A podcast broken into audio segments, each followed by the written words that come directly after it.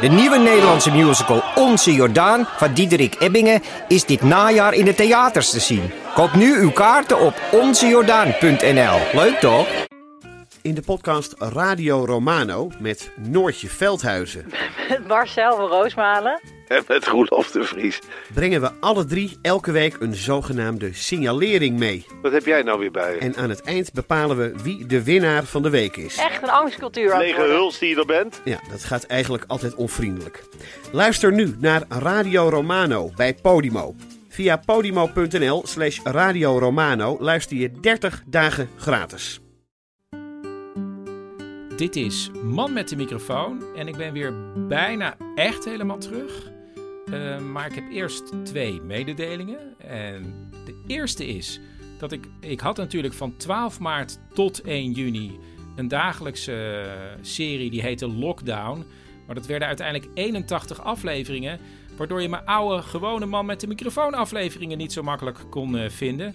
Dus ik heb nu 10 blokken gemaakt van die 81 afleveringen. Ja, dat klopt. Zo, ja, zo horen de mensen dus blok 1. En daarnaast, en daarnaast eh, dacht ik, ja, vroeger kwam ik elke maand met een, een man met de microfoon aflevering. En vanaf volgende week doe ik dat.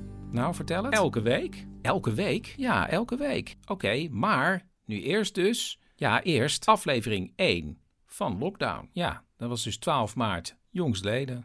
Veel plezier met luisteren. Ik was vanochtend lekker bezig. Eh, ik was iemand, aan- nou, iemand zat op een bank. Eh, die had ik net een vraag gesteld. Een jongen die was kok in een restaurant om de hoek. En toen werd ik gestoord door Bert. En, nou ja, luister zelf maar. Mag ik vragen wat jij hier aan het doen bent? Ik eh, werk hier om de hoek. Ik eh, ben daar kok in het restaurant hier, Oh, eh, hier, hier, om de hoek. dit? Nee, nee, niet, niet deze, maar Oh. die eh pub- Ja, oh, wacht even. Eh, sorry. Eh, misschien, ik, ik kom je later misschien nog een keer tegen. Ja. Sorry. Bert, ik ben met iemand in gesprek. Wil je één woord horen? Nou, Totaal onverantwoord. dat zijn twee woorden. Ja, wat jij hier doet, totaal onverantwoord. Wat jij hier zegt. Sta je er wel bij stil? In dit tijdsgevricht. Tijdsgevricht. Wat, is, wat, wat bedoel je nou weer? Corona, Chris. Ik doe helemaal niks wat niet mag hoor. Ik, sta, ik ben gewoon mensen aan het La interviewen. één op één. naïvité. Ik, ik sta niet met honderd mensen of zo. Le naïvité. Een naïviteit, wat Ja, is dat nou twee weer? meter. Dat is de officiële richtlijn. Weet je hoe lang ik ben? Ja, je bent twee meter, Ja, Bert. nou, lag er net een Bert tussen jou en die meneer in? je Net net een? Bert. Ik kan toch niet een, een Bert tussen jou... Ja, oké. ja. Dit, dit is twee meter. Dit is de afstand één, die je officieel in acht moet nemen. Twee meter. En dat is niet vijf centimeter. Maar Bert, zo kan ik toch niemand interviewen op twee meter? Nee, zo kan je niemand interviewen. Nee, begint het een beetje te dagen? Weet je, bovendien, wat denk je dat het voor het merk man met de microfoon betekent als jij hier een beetje het epicentrum van de verspreiding gaat staan uithangen met die microfoon van je? Ja, Bert, je niet op gaan slaan. Ik doe toch helemaal niks fout? Jij gaat die het is hier in microfoon- Brabant. Jij gaat die microfoon nu opbergen en je zet die bus weg en bereid je voor op een total lockdown. Bert, als mensen niet met mij willen praten... Total lockdown, Chris Dan-. Stap even over je eigen schaduw heen, alsjeblieft. Eigen schaduw, waar slaat het op? Kijk, als. Dit ga je heel erg leuk oppakken, Chris Bijema. Dat is jouw kracht. Je gaat thuiswerken. En ik moet nu door en jij ook. En we bellen. Thuiswerken. Ja, en daar zit ik dus nu, thuis in mijn werkkamertje. Misschien moet jij ook wel thuis werken. In ieder geval tot 31 maart. En toen dacht ik, ja, maar dan, kunnen we er, dan moeten we er samen iets van gaan maken tot die 31ste. En ehm, nu heb ik een idee, want misschien heb je in het verleden wel een, iets meegemaakt en heb je een verhaal over eh, ingesloten zijn, of dat je in quarantaine zat, of dat je al een keer een lockdown hebt meegemaakt. Ehm, opgesloten gezeten misschien. Toen dacht ik, ja, die verhalen, ik kan er natuurlijk nu in de straat niet op, maar jullie kunnen wel misschien verhalen naar mij toe brengen. En daarom heb ik een telefoonnummer geopend. Dat ga ik zo geven en dat staat dan ook in de show notes. Eh, mijn idee is, je hebt een verhaal en dan stuur je mij via een voicemail drie woorden. Bijvoorbeeld metro, Parijs, 1968. En dan denk ik, wauw, wat voor verhaal zit daarachter? En als ik dat heb bij drie van jouw woorden, dan ga ik je terugbellen. En dan neem ik dat op en dan monteer ik dat en dan laat ik dat weer aan andere mensen horen in deze podcast-serie die nu Lockdown heet. Oké, en eh, ik laat natuurlijk ook andere dingen horen, uh, maar dat komt allemaal vanzelf. Ik denk dat het vanzelf allemaal goed komt. Uh, hier is het telefoonnummer. Dus heb je een verhaal, geef me drie woorden. En dit is het telefoonnummer 084 48 37 1282.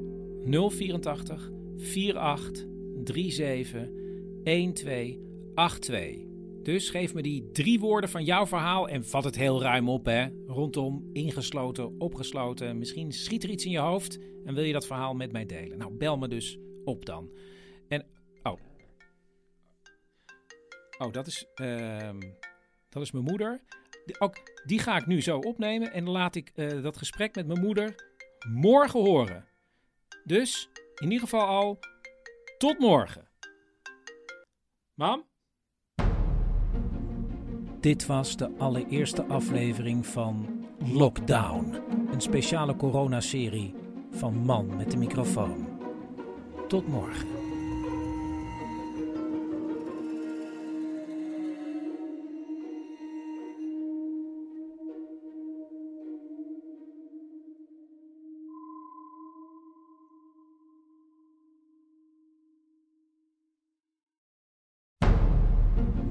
Dit is Lockdown, een coronaserie van Man met de microfoon, waarin we samen toewerken naar 31 maart. Voorlopig. Dit is dag 2. Wat ging eraan vooraf? Ja, wat ging eraan vooraf, Chris? Chris? Ja, wat is er gebeurd tot nu toe? Oh, uh, ja, wat is er tot nu toe gebeurd? Ik ben sinds gisteren niet meer op straat met mijn bus. Eh, want Bert heeft mij geadviseerd, of nou min of meer gedwongen, om vanaf nu vanuit huis te werken. En uh, dus was mijn vraag of jullie mij met verhalen willen helpen. Uh, ik heb een telefoonnummer geopend met de vraag of jullie mij voorlopig even rond het thema lockdown, dus verhalen over dat je een keer ergens opgesloten bent geweest of ingesloten. Vat het ruim op. Hè. Je kan ook in een relatie zijn opgesloten. Nou, als je een verhaal hebt waarvan je denkt, ja, dat is echt de moeite waard om te delen, bel dat dan naar mij door. En mijn vraag is of je dan even het verhaal zou kunnen samenvatten in drie woorden. Bijvoorbeeld doodskist, sapcentrifuge, Griekenland. En dan kan ik denken, hey, dat is misschien een verhaal om even iemand over terug te bellen. En je hoeft geen telefoonnummer achter te laten, want ik kan zien wie mij gebeld heeft.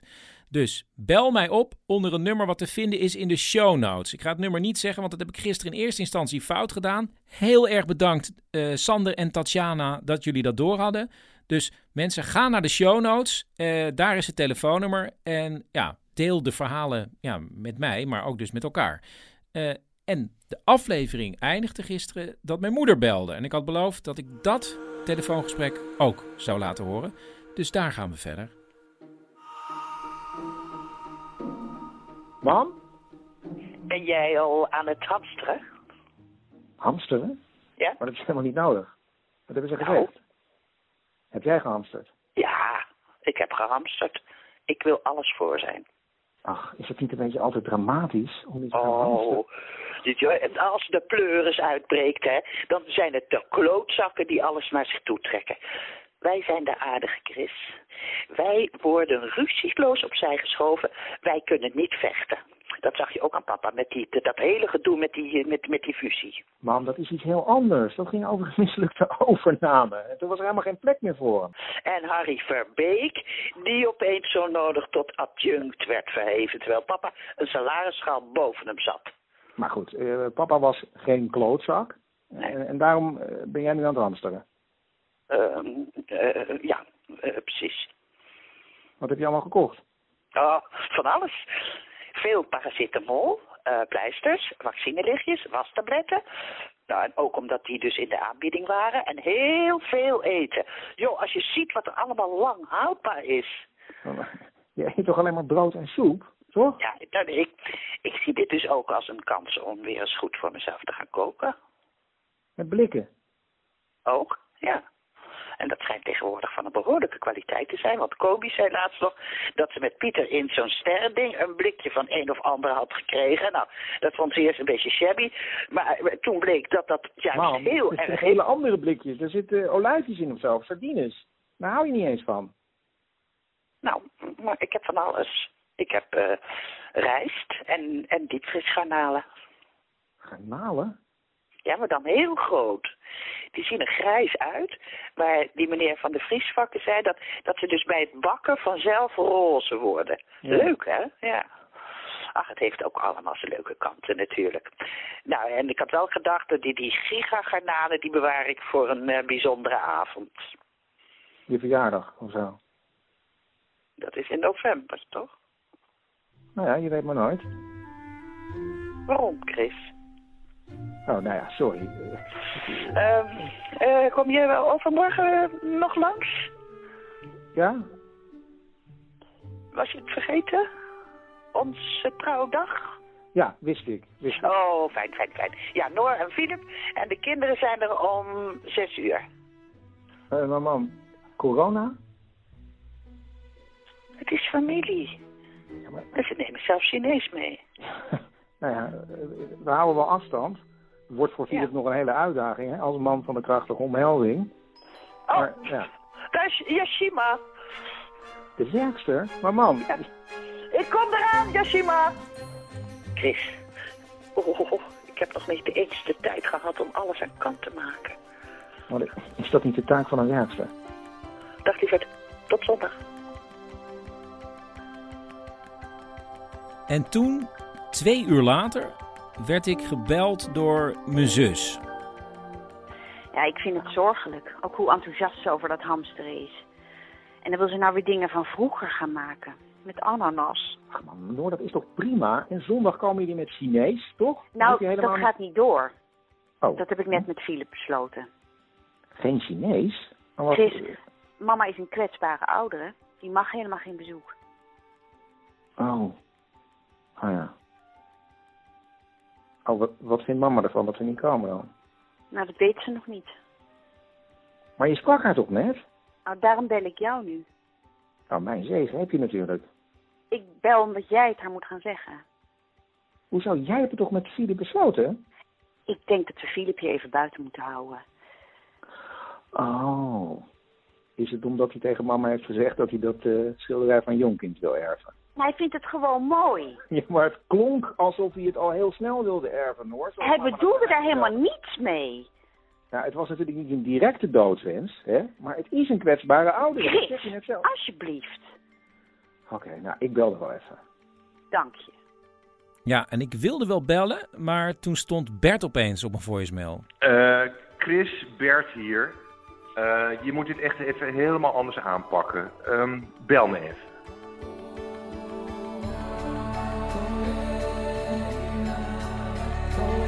Dit was aflevering 2 van Lockdown. En hoe gaat dit allemaal aflopen, Chris? helemaal geen idee. we weten dat nog niet. Nee, want waar komt Bert mee bijvoorbeeld? Precies. Ja, niet, weten we nog niet. En welke verhalen hebben jullie nog? Ja, precies. Voor mij in petto, voor ons in petto. Bel het door hè, naar dat nummer in de show notes. Weet je wat, ik noem het gewoon wel. Noem het wel, want nu heb ik het goed opgeschreven. 084 83 71 282. Ik heb het meegekeken, het is Eh, goed. Ja, dat is het goede nummer. Ja. Nou, tot snel.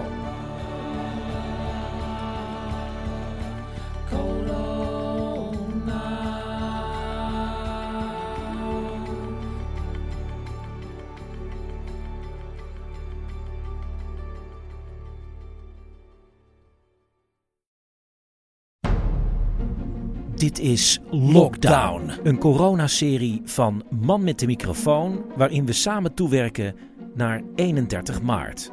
Voorlopig. Dit is dag 3. En waar waren we gebleven? Eh, Chris, Bert hier. Eh, je moet dit echt even helemaal anders aanpakken. Ehm, bel me even. Chris.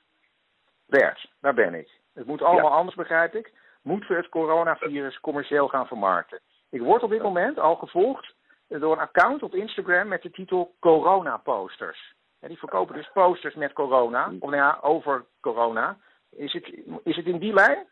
En, en- nee, Chris, rustig. Ik zit hier nu eventjes niet als marketing Bert. Het is nu even tijd voor Bert, de personal coach. Bert, de personal coach? Ja, ik denk dat het tijd is om even eh, pas op de plaats te maken en lockdown te evalueren. Nu al? Maar ik ben nog maar net begonnen. Ja, het moet denk ik anders. Het moet anders. Ja, het, het, kan anders. Oké, nou leg uit. Nou, dit gesprek bijvoorbeeld, hè, dat is door jou helemaal uitgeschreven. Dat vind ik Ja. prima. Hè, en ik doe het met heel veel plezier aan mee, dat weet je. Maar ik mis de verhalen van de echte mensen. Oké. En daar denk jij net zo over. Omdat ik dat heb Omdat jij dat uitgeschreven. hebt uitgeschreven. Laat anders even horen wat je vanmorgen vroeg met Pauline hebt opgenomen. Oké.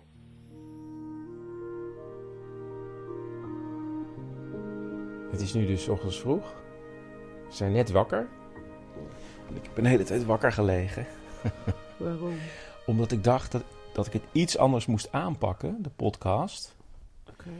En voor dit gesprek zit al een gesprek wat ik heb geschreven met Bert. Mm.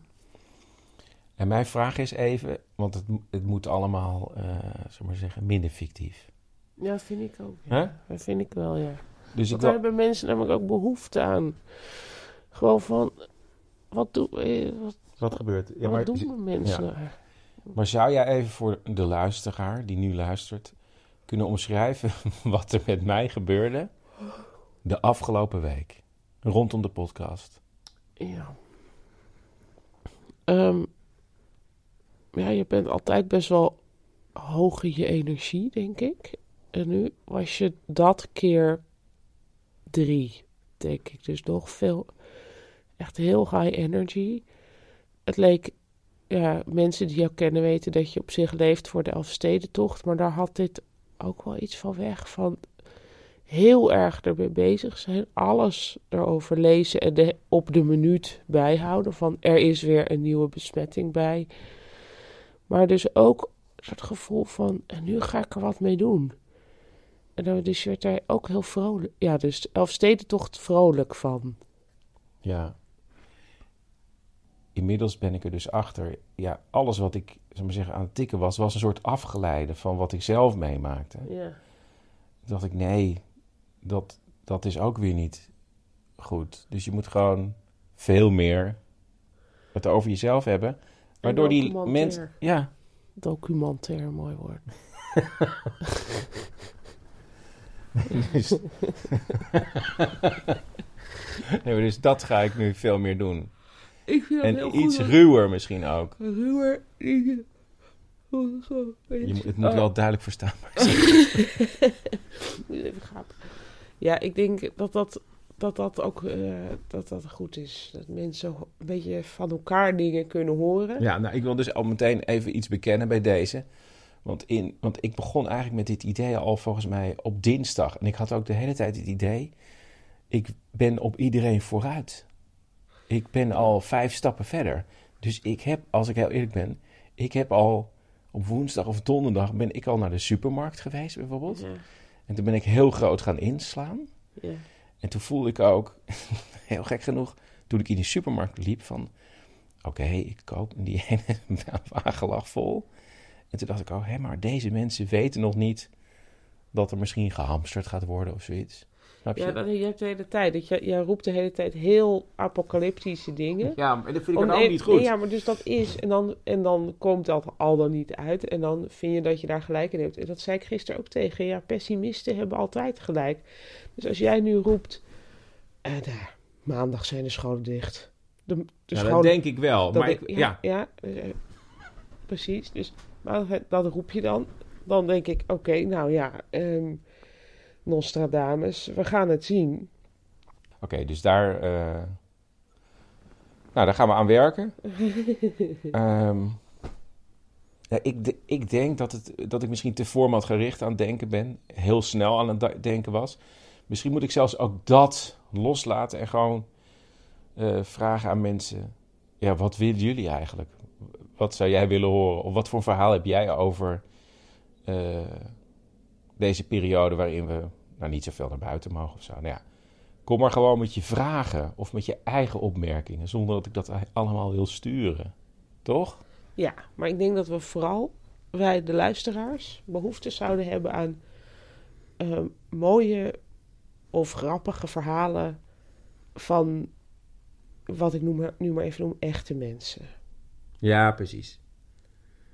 Ik bedoel echte mensen, natuurlijk iedereen is een echt mens, maar ik bedoel niet een voorafgeschreven Ja. scène. Ja, nee, precies. Ja. eh, onze zoon Ja. wil uit bed. Ja. Die overigens vrijdag al naar huis kwam. Want ze, ze, ze, ze- Zijn juf was ziek, dus ja. wij zitten Nou, dus de in. dag gaan eh, beginnen. Kijk, en daar zou ik dan nog wel meer over willen horen, hè? over het gezinsleven. Je hebt ook nog twee puberzoons. Hoe brengen jullie de dagen door? Dat zou ik als luisteraar willen horen. En je Ja. moeder bijvoorbeeld. Ja, maar mijn moeder zit erin. Ja, dat is niet je moeder, Chris. Dat is Cecile, die speelt je moeder. En ik ben dol op die moeder. Maar ik zou ook nog wel eens iets willen weten over je echte moeder. Nou ja, Bel haar anders eventjes op. oké. Ja, Jij bent samen met papa een kwetsbare ouder. En een ik ben een kwetsbare oudere, Chris. Ja? ja, ja, Nou, ik ben het. Ja. Dan denk ik wel even, hoe, eh, hoe is het daar als kwetsbare Nou, weet je, ja, nou ja, papa die, eh, je weet, ja, papa heeft natuurlijk blaasontsteking. En eh, eh, hij heeft wel verhoging, geen koorts, wel verhoging. Maar elke keer, ja, dan is hij een kwartiertje beneden en dan gaat hij weer lekker slapen. Eh, nou, en wat heb ik gedaan? Nou, ik ben vanmorgen naar Hoofdvliet gegaan, want ik had brood nodig. Hoe was nou, het in de supermarkt? Ja, zelfs bij ons in het dorp, Chris, je wil het niet voorstellen. Er lagen een paar broden. Nou, eh, één brood is voor ons genoeg. Maar toen gingen we naar, gingen naar de zuivelafdeling. Nou, geen melk, geen, geen yoghurt. Maar ik denk, ja, papa wil altijd morgens eh, yoghurt hebben. Nou, het komt nog hoor vanmiddag. Nou, ik naar huis, eh, gewoon de brood in de vriezer. En ik denk, vanmiddag, ik ga weer even lekker lopen. Het was zo lekker weer. Dus nou ja, park in, lekker rondgelopen. Nou, ik denk, ik ga toch even kijken voor die eh, yoghurt. Staan er nog vier pakken magere yoghurt. En eh, ik had, oh ja, maar Chris, ik had voor de kerk eh, zeker ruim zes liter soep gemaakt. Wat moet ik met zes eh, liter soep? Dus eh, ik heb voor ons dan, hè, want dat was best een lekkere, een beetje dikke soep. En de rest heb ik in bakjes gedaan. Nou, toen ben, toen ben ik dus bij Cor geweest en ik ben Ali en Nico geweest. Nee, ja, Ali en Nico heb bij de deur gezet. Toen ben ik bij Tineke en Ab geweest. Toen bij Koos en Leni. En toen nog bij Nel en Kees Scheringen. Daar heb ik allemaal een bakje gebracht. Dat Maar ben zet je, dan geval voor de deur of geef je het? Nee, Live. eh, eh, ik geef het live. En hoe is En- de en- sfeer daar in dat dorp? eh, Oh, de, de, de- heel gelaten. Heel gelaten. Waar, waar, ze, waar we het meest over hebben. Goh, joh, dan gaan we toch elke zondag altijd naar de kerk. En dan niet? ik geloof niet meer naar de kerk. Ja, nou ja, de kerken zijn ook allemaal gesloten. Ah ja, ja. Je moet de luisteraars dus nu ook een beetje op de hoogte gaan houden. Dus kun je wel meer bellen voor een opname. Nou hoor, ik, ik, ik, ik denk niet dat je hier veel aan hebt hoor. Nou, dat zullen Ik we wel zien. Ja. Nou, dat, eh, dat weet ik als nog. Misschien heb je ook, als je daarover nadenkt, misschien kun je binnenkort met tips komen. Ik ben wel iemand voor tips. Of een leuk soeprecept. Ja, nou, moet je eens luisteren. Ik en een soeprecept. Ik kwak dat is altijd alles erin. Dus Nou ja, ik- denk er even over na. Voor de mensen Ja. die thuis zitten. Ja, die thuis zitten. Ja, en weet je, eh, ze kunnen ook al aan de kerstkaarten gaan beginnen die ze zelf nou eens een keer gaan maken. Hup, dan hebben we tip 1. Hè? Nou, Nee. schrijf ze op en dan bel Oh. ik, bel ik later wel weer op. Oh, Pak een boekje ja. en schrijf, schrijf ze op. Dat is leuk. We moeten Nou. het ook leuk maken voor de mensen die thuis zitten. Ja, ja, ja. Nou, ik probeer het. Maar bewaar, bewaar dan meer tips voor later in de week. Schrijf ze Oh, op, nou. dan bellen we later. Oké. Oké, Nou, nou, ja, tel iets aan papa ook, hè? Ja, doei. Oké, doeg. Doei. ik neem aan dat je hieronder dit alles ook weer hele mooie muziek bij elkaar hebt gezocht voor de sfeer. Ja, er zit muziek onder. Ja, probeer dat ook los te laten. Oh ja, maar, ja, maar Bert, we kunnen toch ook nog wel fictieve dingen blijven maken? Tuurlijk, weet je, eh, daar ben ik ook een veel te goed type voor, maar je moet het gewoon beter gaan doseren. By all means, ook fictie. Fictie is een ingekookte versie van de werkelijkheid. Jezus, Bert, een ingekookte versie van de werkelijkheid. Je hebt het zelf verzonnen.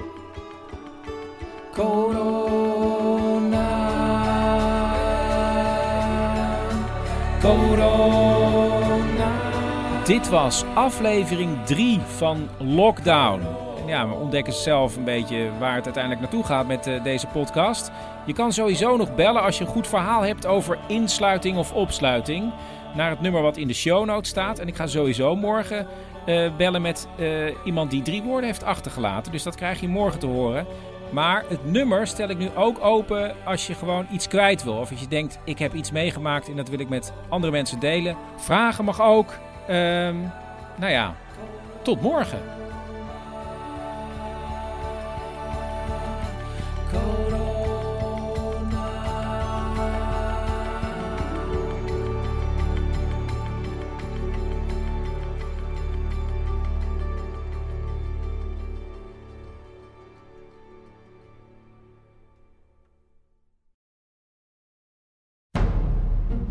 Dit is Lockdown, een coronaserie van Man met de microfoon, waarin we samen toewerken naar 31 maart. Dit is dag 4. Ja, en 31 maart is nu opeens 6 april geworden. Want er zijn weer allemaal maatregelen aangekondigd en die voelde ik, zoals je weet, al aankomen. Zoals het sluiten van de scholen.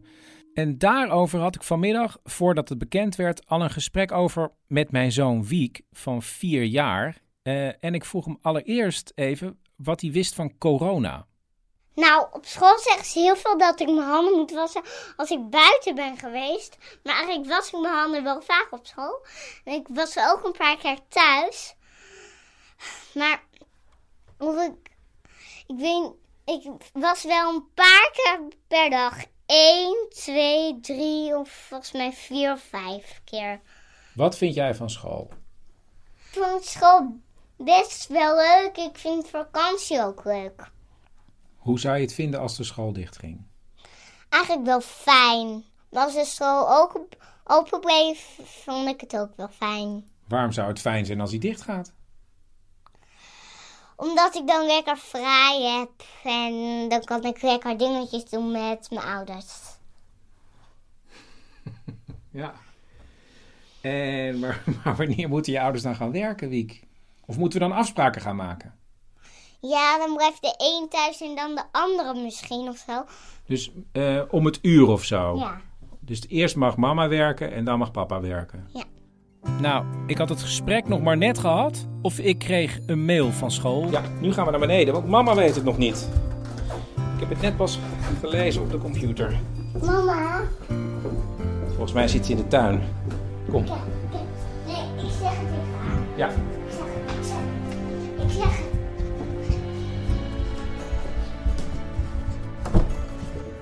Mam, de scholen blijven, de school blijft dicht. Ja, En hoe lang blijft hij dicht, Wiek? de komende twee weken. Ja, en even later bleek dat dat dus drie weken worden, tot en met 6 april. Ja, en dan is het nu tijd voor, ja, voor mijn moeder. Want die was er gisteren en die had een goede tip. En toen dacht ik, ja, die krijgt gewoon haar eigen rubriek en een tune. Een tip van de moeder van Chris. Een tip van de moeder van Chris. Oh ja. Dit is een tip van de moeder van Chris. Tip van de moeder van Chris. Hi Chris. Hallo, Wat mam. een toestand, hè? Wat een toestand. Nou, Maar, mam, ja? heb je nog een tip? Want eh, de, alleen de horeca gaat dicht en de scholen. Ja. Maar de gewone winkels blijven nog open. En volgens mij had je daar een tip voor, toch? Nou ja, je moet twee meter afstand houden. Dus eh, misschien gaan de winkels wel zeggen van nou eh 50 tegelijk. Maar dan sta je weer 50 in een rijtje voor die winkel. Dus eh, nou ja, be- moeten de mensen maar bekijken wanneer ze erin gaan. Maar zoals, ehm, ja, ik woon in een dorp en dan heb je de boerderijen nog om je heen. En laten de mensen ook vooral eens naar de boerderijen gaan. Om, nou, je kan er wortels krijgen, je kan er aardappels krijgen, je kan er uien krijgen, je kan er eieren krijgen. En ze hebben ook vaak nog wel een ander soort groente. Vaak ook appels. Nou, dat kunnen ze doen. En ik zou zeggen, denk ook eens, maar dan moet je ook weer mee oppassen met hoeveel mensen er naar binnen gaan. Aan de tuincentra, die verkopen ook vaak, nou ik weet zeker in ieder geval, aardappels en appels. En verschillende soorten appels ook nog. En peren. Nu, de, de peren heb ik ook zien liggen. Ja, ik weet het anders ook niet voor al die mensen. En zoals in de stad, ja, wij... Ja, kijk, ik zou zeggen, de kinderen zijn straks thuis. Jongens, hier eh, in de omgeving, pak de fiets met de kinderen en eh, rij naar een eh, boerderij of naar een tuincentrum. Je hebt weer een leuke dag. Nou man, super, super goede tip. Dankjewel. Ja, prima. Joepie, doei. En dan is het nu tijd voor jullie eigen verhalen. Want ik heb gevraagd of jullie een lockdown-verhaal wilden achterlaten in drie woorden op een speciaal geopend nummer. En dit zijn een paar van de inzendingen. 1980. Lift. Schuldig. Zomig. Yoga. Ballet. Metro. Tractie. Ambulance. Lachen. Liftopsluiting. Obstakel. Brandweermannen. Scoopmobiel. Zes. Stopcontact. Sproetjes. Groetjes. En van de volgende wilde ik wel meer weten. orkaan, spinnenbeet en sigaret. En het is het verhaal van Niek van Droffelaar. Ja, ik was een, een jaar of 12, 13. En ehm, wij ging, ik ging met mijn ouders en mijn broer. Ik ben de jongste van een gezin met veel, eh, veel jongens. Ik heb vier broers. En ehm, nou, dat was wel, spannend. En nou, daarheen eh, met z'n allen. En toen zaten we op een plek ergens in nou, het noorden van Tanzania. Waar je eigenlijk alleen met een vliegtuigje kon komen of met de boot. En op dat moment, toen we daar net een paar dagen zaten, kregen we een berichtje door over de radio dat ehm, ja, we daar moesten blijven omdat er een orkaan eh, aan het woeden was in eh, Mozambique. En die zou langs de kust van Tanzania ook gaan, of in ieder geval langs Tanzania. En daar eh, nou, kregen we dus in ieder geval te horen van ja, weet je, het, kan zijn dat die storm dus ook bij jullie langskomt. Dus nou, je blijf waar je zit. En, ehm, ja, hopen dat het, eh, dat meevalt. En precies toen we dat bericht te horen kregen, was mijn moeder opgestaan die ochtend. Toen was die avond ervoor. Nou, ze had al gevoeld dat ze gebeten was. Maar ze dacht, nou, weet je, het zal wel een mug zijn. Maar het bleek dus een spinnenbeet te zijn. Op een, op, op een vinger waar zeg maar haar trouwring eh, zat. Die vinger die werd gewoon drie, vier keer zo groot. En je zag gewoon dat als die ring er niet af ge- ge- geknipt of wat dan ook kon worden, dan ja, enerzijds denk je van ja, weet je, wat gebeurt er dan met het gif dat in je hand komt? Dan moet dat er niet eerst uit. En ja, je moet natuurlijk wel, ja, dan moet een specialist moeten naar kijken. Ja, goed, en waar wij zaten, wat niemand iets van, ja, er was geen, geen kliniek of wat dan ook in de buurt. De eigenaren van het terrein proberen via radiocontact te kijken of ze iemand kunnen vinden. Uiteindelijk was er één iemand in Dar es dat is de hoofdstad van eh, Tanzania. Die bereid was om in een heel klein vliegtuigje dus alsnog de oversteek te maken, nog voor die store eventueel zou komen. Om mijn moeder op te halen, om naar een kliniek te gaan, zodat ze geholpen kon worden. Eh, nou, er kwam natuurlijk een vliegtuigje aangevlogen. En het ene blijft nog best wel goed eh, bijstaan, is dat er was een hele zware, grote meneer, dat, eh, dat vliegtuigje. Echt, het zweefde op zijn voorhoofd, want hij wilde natuurlijk zo snel mogelijk terug. Hij had een knalrood t-shirt- t-shirtje aan, draaide zijn raam open, schreeuwde naar mijn ouders dat ze zo snel mogelijk in moesten stappen. De ouders sprongen, sprongen erin. Nou ja, met beleving heeft dat hele vliegtuig niet stilgestaan, maar ja, goed, ze moesten natuurlijk toch in en vlogen, vlogen weg. Ehm, maar goed, op dat moment besefte ik me ook dat ik dus met mijn broertjes daar ehm, zat in een dus lockdown situatie. En ehm, afwachten op, de, op wat er zou gebeuren. Even ter informatie, hij had broers, drie die al ouder dan 20 waren. Dus dat viel wel mee. Maar hij moest met het broertje van 14 in een tent zitten en maar ja, wachten wat er ging gebeuren. En zijn ouders kwamen aan in de hoofdstad. En eh, daar in een kliniekje terechtkomen waar op de deur uh, dokter Bootsma stond. Dus helemaal verrast en verbaasd en natuurlijk blij dat het Nederlanders waren. Die natuurlijk net zo leuk vonden dat ze ook Nederlanders konden behandelen. Die trokken dus een beetje alle, al, al het uh, boerenbond uit de kast en, en kwamen met speculaaskoeken aan. Toen mijn moeder ook zei, ja, dat je hartstikke gezellig, maar help me alsjeblieft, want het moet zo snel mogelijk weer terug. En Niek zat met zijn broer in de tent en het duurde nog uren, maar toen was daar de storm. Je hoorde gewoon echt allemaal takken kraken en, en bomen heen en weer schudden. Het echt gewoon alsof ja, je de storm in, in een jungle. En, uh, en, en ja, dat is natuurlijk heel onheilspellend. Het wordt ook in één keer heel donker, want je hebt in principe ook geen omgevingslicht. En ja, die rivier die begon op een gegeven moment ook echt, echt hard, ja, harder te stromen. En uh, dat, water kwam ook steeds dichterbij. En ja, weet je, je moest ook alles dicht houden. Proberen elke keer weer uh, ja, te verzorgen dat, dat, dat die tent niet open ging. En ondertussen ja, zat ik met mijn broertje, maar met z'n tweetjes ja, te wachten. En, en, en een beetje te kaarten te kijken. Weet je, ja, we hopen dat het, op, dat, dat het weer voorbij gaat. De storm blijft maar aanhouden, maar uiteindelijk valt Niek met zijn broer in slaap. En wat hij niet weet, is dat zijn ouders nog terug zijn gekomen voor de storm echt op zijn hoogtepunt was. En ze zijn, ik denk nadat ze gecontroleerd hebben dat die andere tenten er nog goed stonden, naar hun eigen tent gegaan. En mijn moeder die lag, uh, ja, was natuurlijk ook wel best wel geschrokken en uh, ja, was wel moe van de hele situatie. Dus uh, die, die eigenlijk ook, ja, dus, ja, dat je gewoon even liggen. liggen en je, ik hoor het wel als, het, als ik hier weg moet of geëvacueerd moet worden of wat dan ook. Die viel dus ook in slaap. Maar op zo'n gegeven moment wakker wordt, werd en dacht ze, ik hier nou rook of staat hier nou iets in de fik of is er iets aan de hand?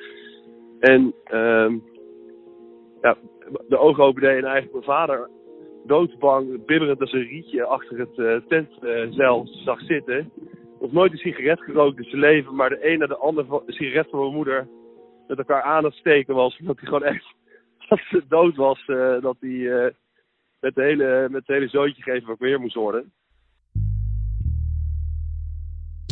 Ja, nou goed, ik, ik, ik werd dus wakker en natuurlijk heel erg benieuwd van heel zijn mijn ouders teruggekomen. En uh, zij riepen zo naar elkaar en gelukkig hoorde ik de stem van mijn moeder. En zij stak gelijk een hand uit de tent met een hele grote vinger in het verband. Met, met, met de tekst, ja jongens, ik heb nu een verhaal jullie te vertellen. Ja, ja papa die is gaan roken.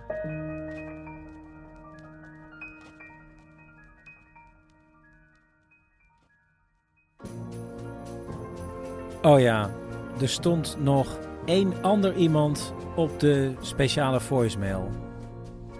Um, ik ben Bert en ik heb drie woorden. Waarom niet telefoon opnemen? Je neemt je telefoon niet op, Chris. Dus moet het even via de lockdown noodlijn. Nou, ik uh, weet dat je super druk bent met lockdown. Maar mijn hoofd staat ook niet stil, Chris Baayema. Ik heb ook ideeën. Bel me terug. Bert. Chris, je belt terug. Ja, je had ideeën? Ja, wacht, ik pak er wel even een briefje bij. Wacht even. En, heb je een heel briefje, Bert? Ja, ik heb heel veel. Ach. Maar ja, ik geef je er nu maar even eentje. Oh, nou, Bert, wat is het? Ja, uh, dit, lijkt me wel even de belangrijkste nu. Nou, hup, Bert, kom op. Oké. Okay. Lockdown heeft geen byline. Byline? Zeg jij eens Gillette. Gillette? The best man can get. Ja? Ja, dat is een byline. He, je ah. moet een extra regel aan je serie toevoegen, ja. zodat het duidelijk is waar lockdown voor staat. Ja, maar Bert, ik ben maar net begonnen. Ik weet toch helemaal niet waar, waar ik voor Vandaar sta? dat ik een byline voor je heb. Oh. Uh, corona, the best a man can get? Jezus Chris, even Ja. serieus. Dit is, geen, nee, dit is geen tijd voor lolligheid. Wat nu belangrijk is, is dat lockdown zijn maatschappelijke voortouw vastgrijpt. Maatschappelijke voortouw vastgrijpt, Waar wij nu met onze byline bij kunnen helpen, is social awareness. Nou, kom op met die byline.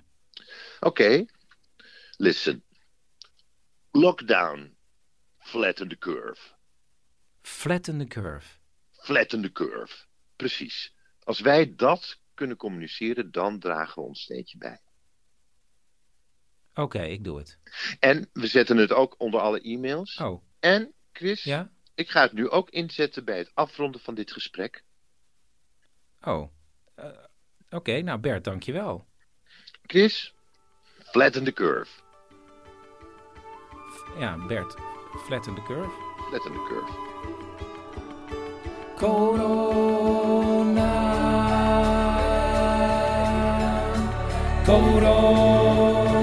Dit was aflevering 4 van Lockdown. En we gaan dus nu inmiddels door tot 6 april. En eh, nou, ik ben benieuwd wat er nog allemaal langs gaat komen. Bel vooral ook met je eigen verhalen. Hè? En je kan ook vragen stellen of opmerkingen. Misschien wil je dingen laten horen die jij op dit moment meemaakt. Bel naar het speciale nummer. Het staat in de show notes. Maar het is 084 83 71 282. Mocht je dit s'avonds heel laat hebben gehoord, wel rusten. En eh, in ieder geval, tot morgen.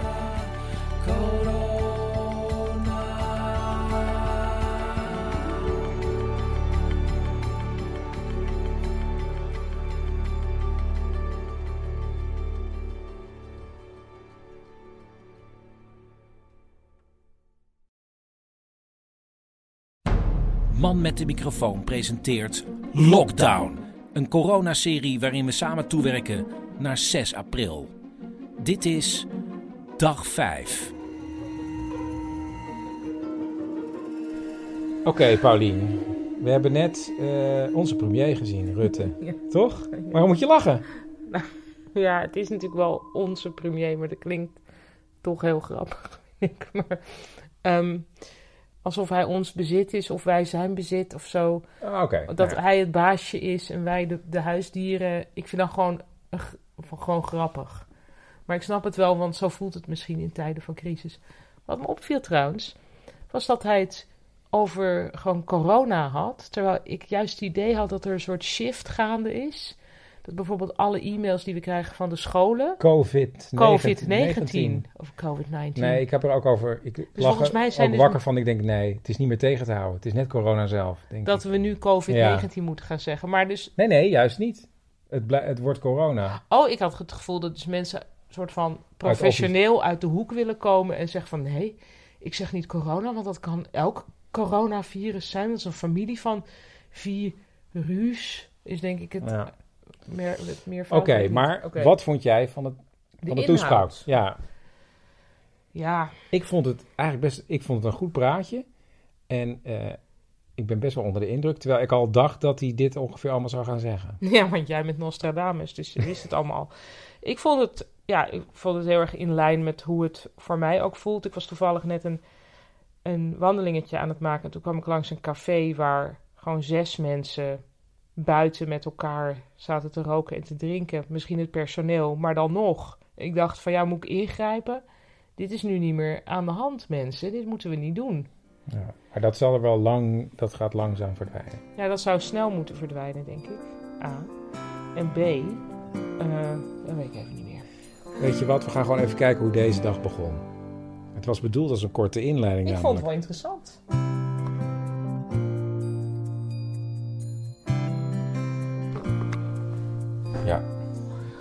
Hallo. Oké, dit is ehm, Maandag. maandagochtend. Dus dit wordt de eerste dag eh, dat Wiek thuis is. En dat wij thuisonderwijs moeten gaan doen. Ja. We hebben gisteren al een mail gekregen, zag je die? Ja. Van zijn meester. En daarvoor kregen we ook op de WhatsApp-groep van alle ouders een ouder die zei: Ja, je hoeft, we hoeven eigenlijk niks te doen, want hij is vier. Dus Ja. we mogen gewoon zelf thuis spelletjes en puzzels gaan doen. Mhm. Toch? Ehm, maar ja, we moeten hem dus wel natuurlijk de hele dag bezighouden. Ja. Nou ja, de hele dag. Hij kan ook heel veel zelf. Speelt natuurlijk veel zelf. Maar we gaan wel dingen doen. En wat wil jij doen? Ehm, nou, ik zat even te denken, want op school hadden ze het thema lente. En ze zouden dingen gaan doen met, dat, de, met zaadjes planten en zo. Dus ik, dat lijkt me leuk om sowieso met hem te doen. Want, ja. En dingen, ja, met letters en zo. Het gaat er gewoon om, wat doen we nu? Dus dat moet je gewoon even vertellen. Wat gaan we nu doen, Wiek? Schooltje spelen. En de stoelen moeten aan de tafel. En de hele tafel moet leeg. Oké, dus de tafel komt hier. Ja. De tafel moet leeg. En de stoel hier? Ja? Aangeschoven. Nee, de tafel ietsje dichter bij mijn bed. Tegen mijn bed van aan. Zo. Ja. Ja, Paulien, we hebben Wiek eigenlijk allebei wat werkjes gegeven Ja, om te doen. leuk. Was leuk. Vond hij ook leuk? Vond hij leuk. Het enige was dat wij allebei thuis werken. En we hadden allebei het idee dat hij ons wilde claimen op het moment dat we dachten... hé, hey, nu ga ik even iets doen. Ja, dus we moeten duidelijker afwezig zijn. Om zijn beurt. Ja, dus daar gaan we een soort Gaan schemaatje werken. gaan we aan werken. Maar we zijn dit wel gewend, toch? Ja. In weekends hebben we dit ook, ook heel vaak. Sowieso. Ja, maar ik dacht, het is toch eigenlijk gewoon een weekend. Maar toch voelde het weer niet als een weekend. Want, omdat ik dacht wel, ja, we moeten dan wel een schooltje gaan doen. omdat hij dat zelf ook Ja. heel graag wilde. Maar dat vond ik echt heel leuk. Ja. Nou ja, betere planning. Dat is waar we aan moeten werken. Planning. Ja. Leuk dat je altijd je val, valkuil blijft op je valkuil. Ik heb een nummer geopend waarop heel veel mensen drie woorden mogen inspreken. En aan de hand van die drie woorden kan ik denken: hé, hey, maar daar zit een mooi verhaal achter. En een van die bellers die sprak deze woorden in. Yoga, metro, ambulance. En dat is ja, een van de trouwste fans van Man met de microfoon. Dat is namelijk Sjaan. En dat is de tante van Paulien. En ook min of meer de extra oma van Wiek. En ik weet ook die woorden yoga, metro, ambulance. Dat gaat over de keer dat ze haar heup gebroken heeft. En toen dacht ik, ja, ik kan haar daarvoor bellen. Maar ik ben eigenlijk vooral benieuwd hoe het nu met haar is. Jij bent 85, toch? Ja, bijna 86 zelfs. Over drie maanden, ja. Als ik het beleven mag, zei mijn oma altijd erachteraan. Maar je bent dus de kwetsbare oudere. Ja, ben ik. Ja. En je woont alleen. Ja. Op drie hoog. Ja. Met hele steile trappen in de binnenstad. Ja. Maar in een huis met andere mensen hoor. Die, die, dat, die- dat is, eh, ja, als die hier niet wonen, zou, zou ik het heel wat minder leuk vinden. Maar dat dat is ja, ik woon er al 30 jaar. En, en ja, dat is, is zo'n prachtige plek dat ik hoop dat ik hier nooit weg hoef. Maar hoe is het nu? Want officieel mag je niet naar buiten. Nee, nee. Nou, ik mag wel naar buiten, maar ik moet niet naar een winkel gaan. Ik moet niet, naar, niet met mensen in contact komen. Mijn dochter heeft me dat heel streng nu verboden. Heeft gezegd, echt, je moet in quarantaine. Niet op bezoek bij mensen. Niet mensen ontvangen nu. Helemaal alleen blijven. En eh, eh, goed eten en drinken. En wij zorgen wel dat er lekkere dingen eh, hangen beneden aan de, aan de deur. Want we komen niet binnen. Je moet ze zelf ophalen. Dan moet ik al die drie trappen weer op en af. Maar dat is wel goed, dan blijf ik in conditie. Hè?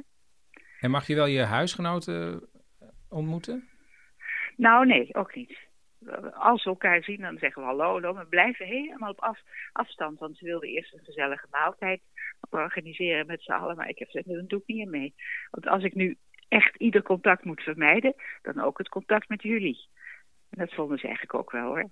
Dus Ja. Maar het idee dat ze er zijn en dat ik iets kan vragen, dat is natuurlijk, maakt natuurlijk al het verschil. Hè? Ik ben niet, de hele dag ben ik alleen, maar ik weet dat ze er ergens zijn. En dat ik als ik. En ik heb dan nog mijn telefoontje en, eh, en een iPadje. Dus dat scheelt ook een stuk. Hé, maar ik dacht ook, misschien, eh, eh, eh, kijk, ik heb de oorlog niet meegemaakt, maar op een of andere manier dacht ik ook meteen aan de oorlog, over eh, dat er gehamsterd werd en zo. Ja, en ook dat je, ja, dat en- vond ik ook hoor. Ik had ook heel erg het gevoel van de oorlog. vooral dat hamsteren, dat zo... Ja, dat is natuurlijk een soort oergevoel van... Oh god, als we niks te eten hebben. En ja, ik heb het dus gelukkig niet meer.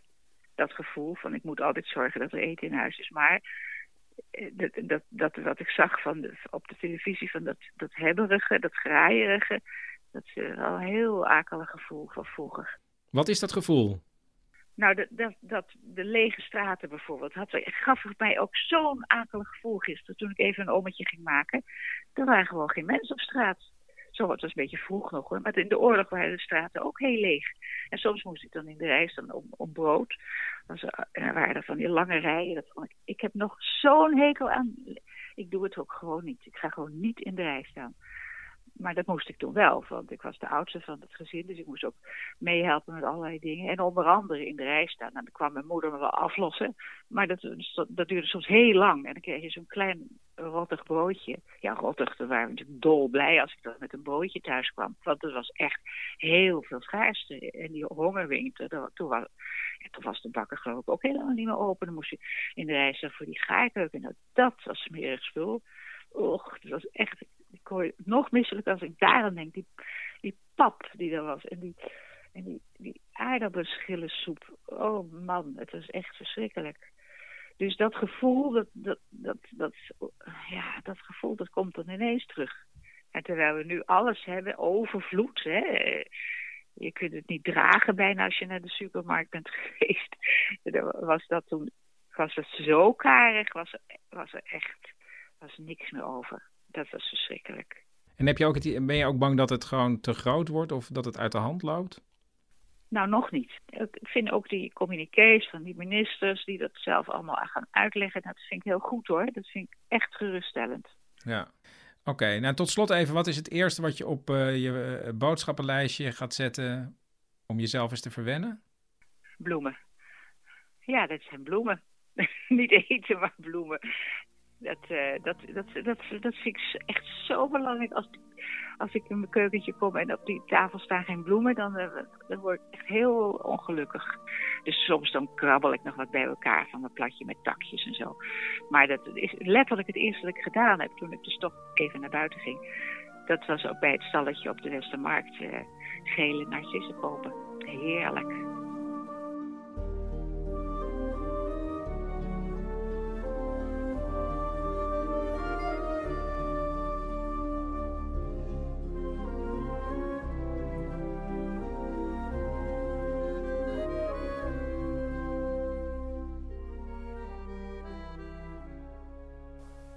Hallo? Hallo. Uh, u bent Ernst de Vries? Ja. Ernst de Vries, de goeroe? Ja, dat ben ik. Met wie spreek ik? U spreekt met man met de microfoon. U had ingesproken bij mij op het antwoordapparaat. Oh ja, ja, natuurlijk, ja. Ja, en uw drie woorden waren niets, niets, ja, precies. niets. Niets, niets en niets. Leg uit. Ik merk heel veel activiteit om mij heen. Mensen die alles maar willen begrijpen en, en duiden en een vorm willen vinden. Mhm. Maar mensen moeten gewoon eens accepteren dat er nu niets is. Er is niets. Er moet niets. Er kan niets. Ja, nee, oké. En dat kan de moderne mens dus niet aan. Dat is zo grappig. Nee, ja, wat moet je dan doen hè, als, je, als er niets kan? Nou, je moet niets doen. Hoe ziet dat er dan concreet uit? Nou, je zit op de bank, of op de grond, of op een stoel, of een poef, mhm. dat kan natuurlijk ook. En dan adem je. En dan? Dat is het. Oh, echt niets dus? Een soort mediteren? Nee, nu geeft u er weer een label aan van moeten. Het gaat alleen maar om niets doen. Niets. Gewoon niets. Ook niet een filmpje kijken op je telefoon? Nee, ja, nee, juist niet. Gebruik deze tijd van niets doen nou eens echt om niets te doen. Als een soort stilte-retraite. Ja, nou, dat zijn jouw woorden. Nee, ik doe alleen maar omarm nou die leegte. Ga, ga hem nou niet zitten opvullen met, met schermpjes. Niet zitten Netflixen, niet zitten scrollen op Instagram. Niet zitten koekeloeren op Twitter. Niet gaan zitten kijken naar het nieuws. Het nieuws is er toch wel. Dat loopt niet weg. Dan heb je gewoon niets. Nee, ik vind, ik vind het eigenlijk wel een goed idee. Dus gewoon lekker ouderwets ja. een boek lezen op de bank. Nee, nee, nee, ook niet. Echt niets. Ook geen boeken. Gewoon echt alleen maar ademen. Ja, zet meneer bij de deur. Jo Sorry. Wat was er? Nee, mijn vrouw zet even een bordje yoghurt bij de deur. Oh, oh, uw vrouw doet wel dingen. Nou ja, dan moet natuurlijk wel gegeten worden, ook door mij. Maar u doet niets. Nee, niets. Echt helemaal niets. En niets is echt moeilijk. Niets. Ja, maar uw vrouw doet dan de rest. Juist. Ja, op zich een verlicht idee. Ja, dankjewel.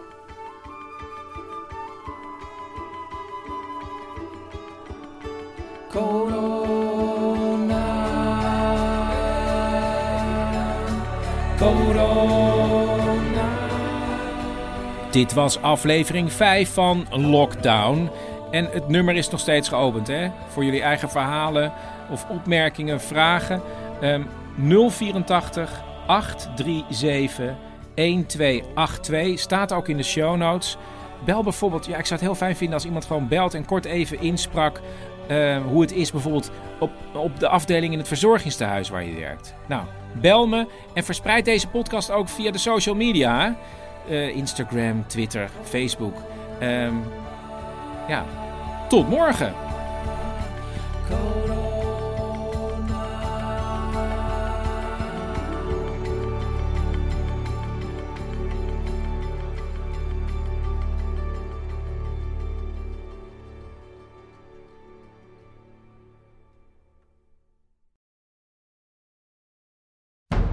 Man met de microfoon presenteert Lockdown.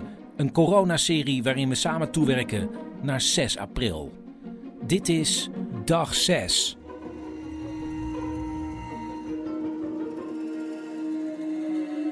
Het is bijna 8 uur 's avonds. Paulien zit nog op haar werkkamer te werken, te tikken. Paulien, Ja. het is minder dan een minuut.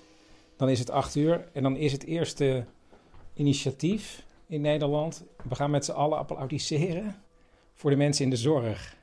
En ik heb de bovenbuurman beloofd dat we meedoen. Maar ik, ik vind dat... Ja. Maar dus de mensen in de zorg horen dat niet. Het is symbolisch. Het is symbolisch.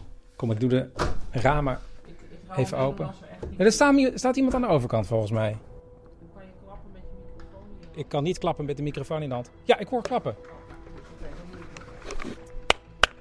Oh, dit is voor achter nog. Shit. Het lijkt wel de dodelijke, denk ik. Maar dan omgekeerd. Nou, Nou, best veel. Moet ik er niet keihard doorheen klappen? Dit was overigens de tweede dag dat we Wiek, onze zoon van vier, thuis les hebben gegeven. Of nou, eh, ik heb met, eh, met hem origami gedaan. En eh Paulien is met hem in de tuin geweest. En we hebben boodschappen gedaan voor onze bovenburen, Bas en Edith. Want die zijn ziek en snotterig. Hallo. hey, de boodschappen zijn er. Boodschap. Hoi, hoi. Dit is de twee meter afstand, toch wel ruim. Nou, ik neem het ook op voor mijn programma. Oh, je neemt het ook op. Je komt in mijn Nou, programma. Dan wil ik eh, in je programma hebben dat ik je heel dankbaar ben. Hartstikke bedankt. Oké, doeg.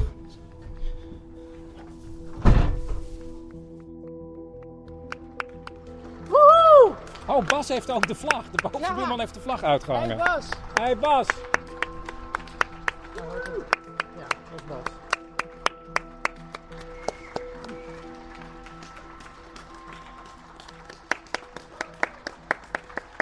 Ja, je mag het niet zeggen, maar best Hartverwarmend. wel hartverwarmend.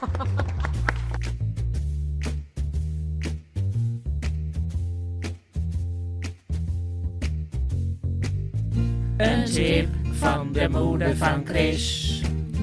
Een tip van de moeder van Chris. Oh ja. Dit is een tip van de moeder van Chris. Tip van de moeder van Chris. Ja, ik, wat zou mijn tip zijn? Ehm, ja, wat zou mijn tip zijn? Ja, dat je...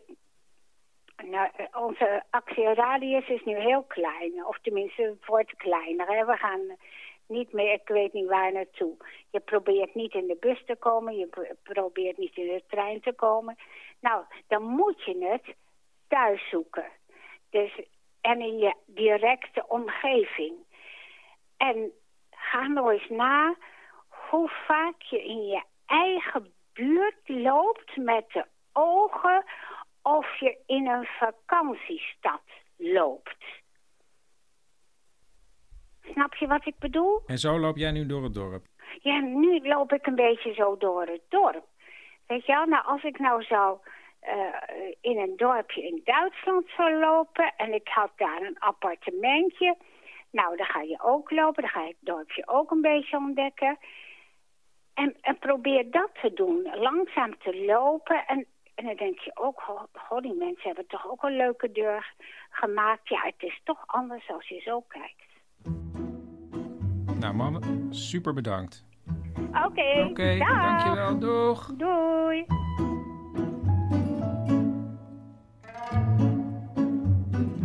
In mijn eerdere uitzendingen heb ik gevraagd of mensen hun eigen lockdown-verhalen zouden willen inbellen. Dan kunnen ze drie woorden achterlaten en misschien bel ik ze dan terug. En vandaag koos ik dit bericht. Hi Tess, met Janneke. Eh, ik heb een verhaal voor je en dit zijn mijn drie woorden. Chalet, ingesneeuwd, lawine. Dat leek me drie mooie woorden om terug te bellen. Dus ik heb Janneke Kuiper, zo heet ze namelijk voluit, teruggebeld en eh, haar verhaal opgenomen. En ja, de telefoonlijn is wat krakeriger dan normaal. Maar ja, mensen, het is een noodsituatie. En je went er ook vanzelf wel aan. Uh, Janneke, wanneer begon dit verhaal? Nou, het is eh, inmiddels twintig jaar geleden. en ik was klaar met mijn studie, afgestudeerd. En ik dacht, ik wil graag naar het buitenland, maar het mag me geen geld kosten. En dus werd ze chaletmeisje in een wintersportgebied in Oostenrijk. Uh, nou, zo'n chalet is dan gewoon een vakantiehuis met meerdere slaapkamers en badkamers. En daar zitten dan twee, meestal meisjes, maar het waren ook wel stelletjes die dat samen deden, uh, in. En die uh, maken dan die kamers schoon en die verzorgen het ontbijt en het avondeten.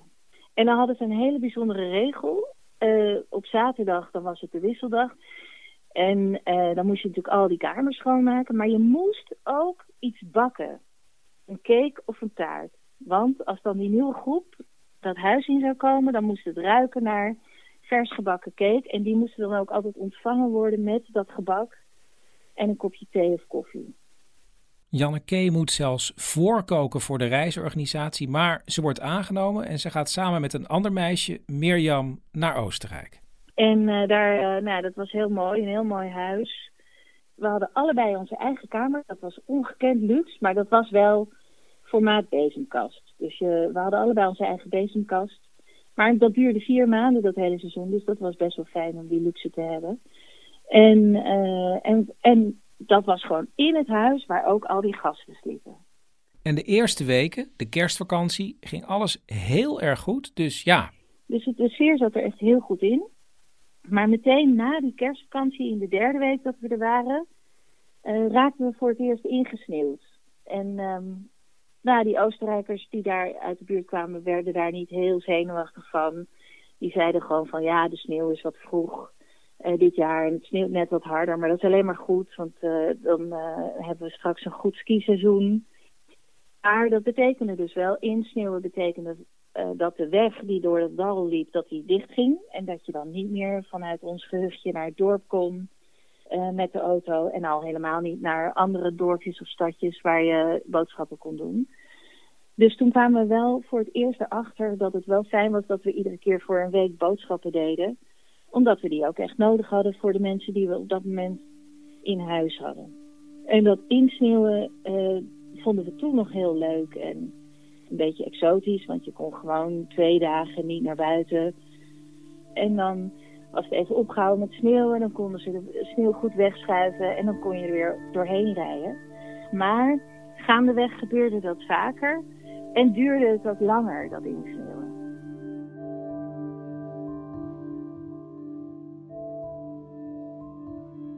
we merkten wel op een gegeven moment, uh, ik had helemaal aan het begin van die periode aangewezen gekregen waar ik als chaletmeisje onze auto moest parkeren, zodat de gasten uh, een, uh, een, eigen parkeerplaats hadden waar ze makkelijk naartoe konden. En wij stonden op een iets moeilijker plekje. En toen kreeg ik op een gegeven moment van een Oostenrijkse buurman te horen dat ik die auto daar weg moest halen en ook op het uh, gastenparkeerterreintje moest zetten. En ja, die, dat Oostenrijkse accent, dat is best wel moeilijk te verstaan. Dus ik dacht, ik doe het maar gewoon. Ik weet niet precies waarom. Uh, maar de volgende dag bleek dus dat er s'nachts een lawine was gevallen op dat plekje waar mijn auto stond. Dus toen langzamerhand werd wel duidelijker van, oké, okay, er valt wel heel erg veel sneeuw. En met die lawines, dat is ook geen grapje. En toen, toen, kregen wij natuurlijk ook vragen van hoe groot was dan de kans dat die lawine gewoon tegen ons huis aan was gekomen. En toen zeiden ze nee, dat, dat, die kans is er helemaal niet. Wij weten al honderd jaar precies hoe die lawines lopen. Die, als ze vallen, vallen ze altijd precies op dezelfde plek. En daarom staan er hier huizen zoals ze staan. Ze staan niet allemaal recht tegen elkaar aan. Maar er zit overal net een gangetje tussen. Dat zijn lawinegangetjes. En dat ene parkeerplaatsje, uh, ja, daarom is dat ook een parkeerplaats voor het personeel. Uh, daar valt ook af en toe zo'n lawine op. Het blijft daar in Oostenrijk week na week sneeuwen. En soms kunnen families die in het huis zitten maar een paar dagen skiën en zitten ze ook weer vast in het huis. En vlak voor de voorjaarsvakantie is de weg weer even vrij en dan komen de nieuwe gasten aan. En dat is niet één grote familie, maar dat zijn vier aparte gezinnen. En die hebben één dag kunnen skiën en toen begon het weer met sneeuwen. Het bleef maar sneeuwen. Het was toen zo hard aan het sneeuwen.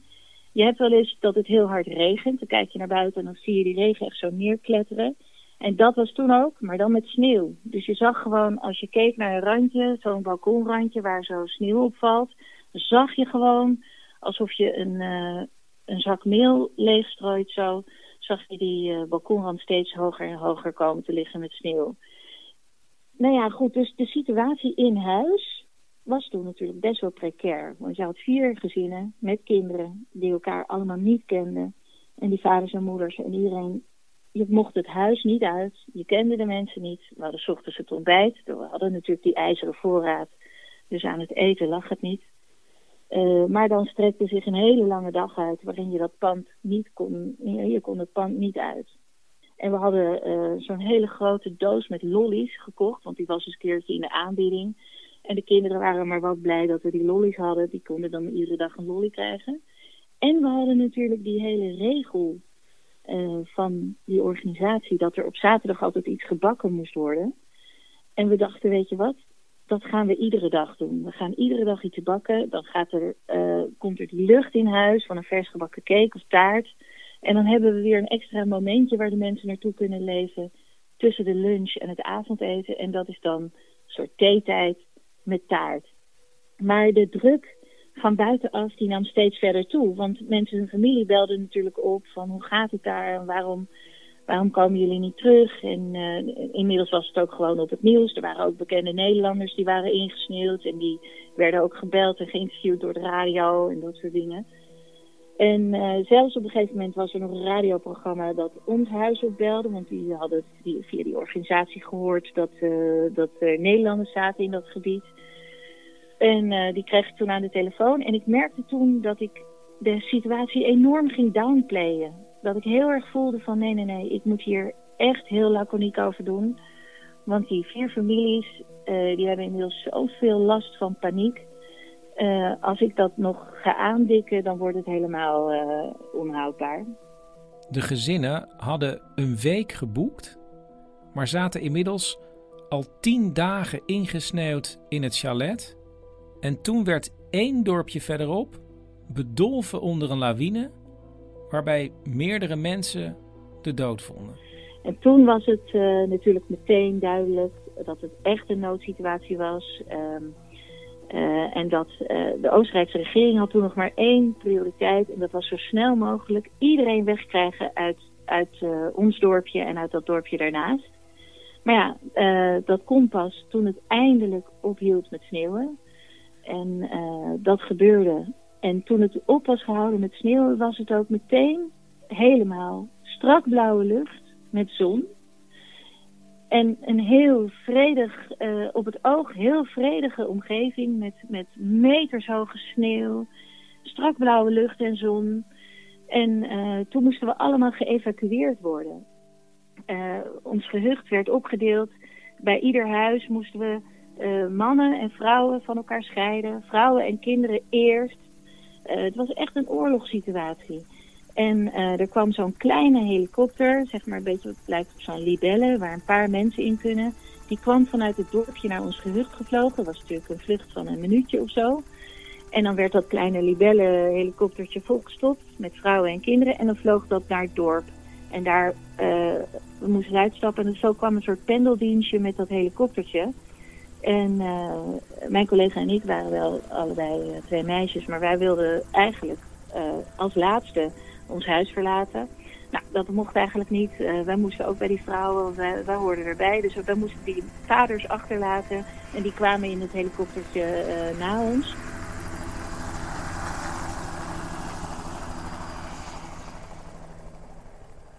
En toen we uit het dal waren, uh, landden we op een stuk snelweg. En naast die snelweg was echt zo'n Rode Kruis tent neergezet. Zo'n hele grote witte tent. En er stonden uh, ambulances klaar en er stond van alles klaar om mensen op te vangen. En dus ook allemaal Rode Kruismedewerkers.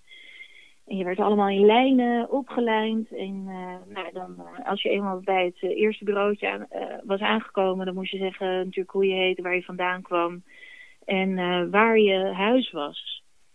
Nou, dus iedereen vertelde dat en dan kreeg je van het Oostenrijkse Rode Kruis kreeg je een treinkaartje naar je huis, waar dat ook was in Europa. En voor mijn collega en mij was het een gekke situatie, want ons huis was eigenlijk in dat dorpje waar we net uit waren weggehaald. Maar ja, daar konden we niet blijven, dus we moesten gewoon weer terug naar Nederland. Nou, en toen kregen we dus een heel gekke soort vloeipapiertje, waar met een soort hanenpoterig uh, handschrift op was geschreven Amsterdam, in mijn geval. En, uh, en een stempel. En met dat vloeipapiertje konden we de trein instappen. Dan werden we met bussen naar het treinstation gebracht. Uh, wat in de buurt was. En, uh, en konden we dus heel, heel Europa doorreizen terug naar Amsterdam. En in Oostenrijk betekende dat vloeipapiertje heel veel. Die conducteurs die keken ons echt aan van jeetje, komen jullie uit dat gebied? Hoe gaat het met jullie? En uh, wat fijn dat het met jullie goed gaat. En in Zuid-Duitsland was dat ook nog, nou, was het ook volledig bekend.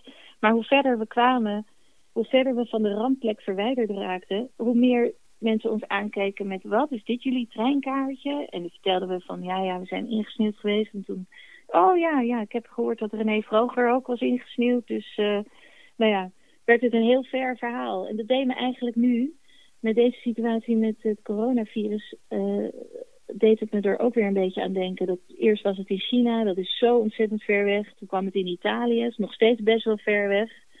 En nu, het, hier uh, begint, uh, begint om zich heen te grijpen. Nu begint het pas echt voor ons te leven. Want we, verwijten onszelf de hele tijd van dat we te weinig doen of het te weinig serieus nemen. Maar dat is eigenlijk volgens mij diep menselijk. Het, je kan het pas begrijpen, zoiets, zo'n raar fenomeen, als je het heel dichtbij, als het heel dichtbij je in de buurt is. En anders blijft het gewoon een raar verhaal. En uh, nou uiteindelijk zijn we s'avonds laat, ben ik in Amsterdam aangekomen. Kwam ik terug uh, in mijn huisje. En, um, en ik weet nog dat ik naar bed ging en dacht... Maar ik hou wel al mijn kleren en mijn schoenen aan. Want je weet nooit wanneer je er weer uit moet. En toen ben ik met al mijn kleren en mijn schoenen aan in slaap gevallen. En in mijn hoofd hoorde ik nog dat geluid van die helikopter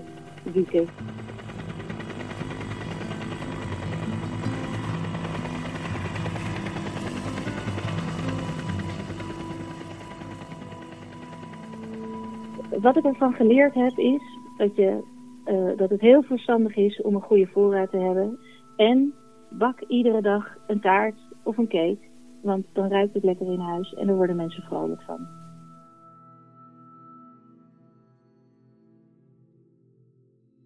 Tot slot van deze aflevering iemand die maar één woord had achtergelaten op het antwoordapparaat, namelijk thuisfitness. Hallo. Hallo, ik bel even over thuisfitness. Wat? Even, even de muziek uit. Ja, ben ik weer. Brandlos. Ja, ik bel even over de thuisfitness. Ik ben man met de microfoon. Oh, ja. Oh, wat leuk. Met die tips voor tijdens de quarantaine. Heel bizar. Ik was dus net aan de thuisfitnessen. Ja, nou, super relevant in deze tijd, toch? Ja, sportscholen zijn dicht, hè? Hoe blijf je dan toch een beetje fit? Kijk, en daar springt thuisfitness dus op in. Goed, vertel, hoe blijf je thuis fit in tijden van corona? Door je helemaal over te geven aan een dagprogramma van activiteit. Ja. Eh, voorbeeld, eh, als je de was naar de wasmachine moet brengen, eten twee keer die trap op, gewoon even extra meepakken. Hup, beelspieren. Eh, ander voorbeeld, is je kind lastig, pak hem of haar even tien keer op, zet hem of haar weer neer. Jouw kind ervaart dat als spelen en aandacht, maar voor jou is fitness. Ja, Als je gaat koken, koken. alles in de zwaarste pannen, ja, als je kookt. Elke 15 seconden die pannen van gas wisselen. Biceps, triceps. Wauw. Ja, eh, ja, ik vind het normale leven al ja, behoorlijk vermoeiend. Dus Ja, eh, dat zeiden de oermensen ook. Oh, wat vermoeiend allemaal. Hey, weet je wat? Ik ren maar even niet meer weg voor die sabeltandtijger. ja. ja, wat heeft dat er precies mee te maken?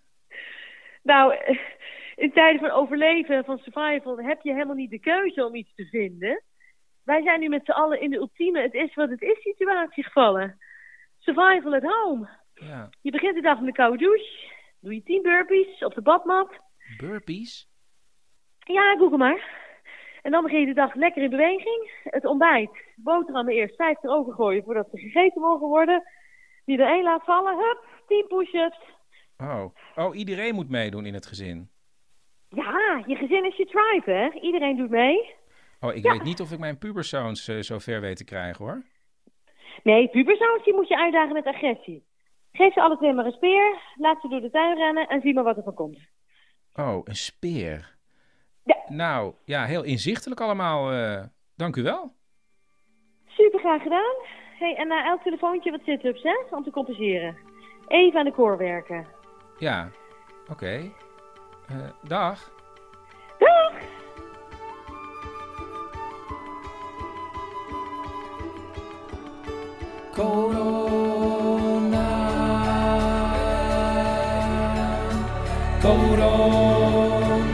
Dit was aflevering 6 van Lockdown. Meegewerkt heeft Lies Visgedijk en Paulien Cornelissen gaf een tekstbijdrage.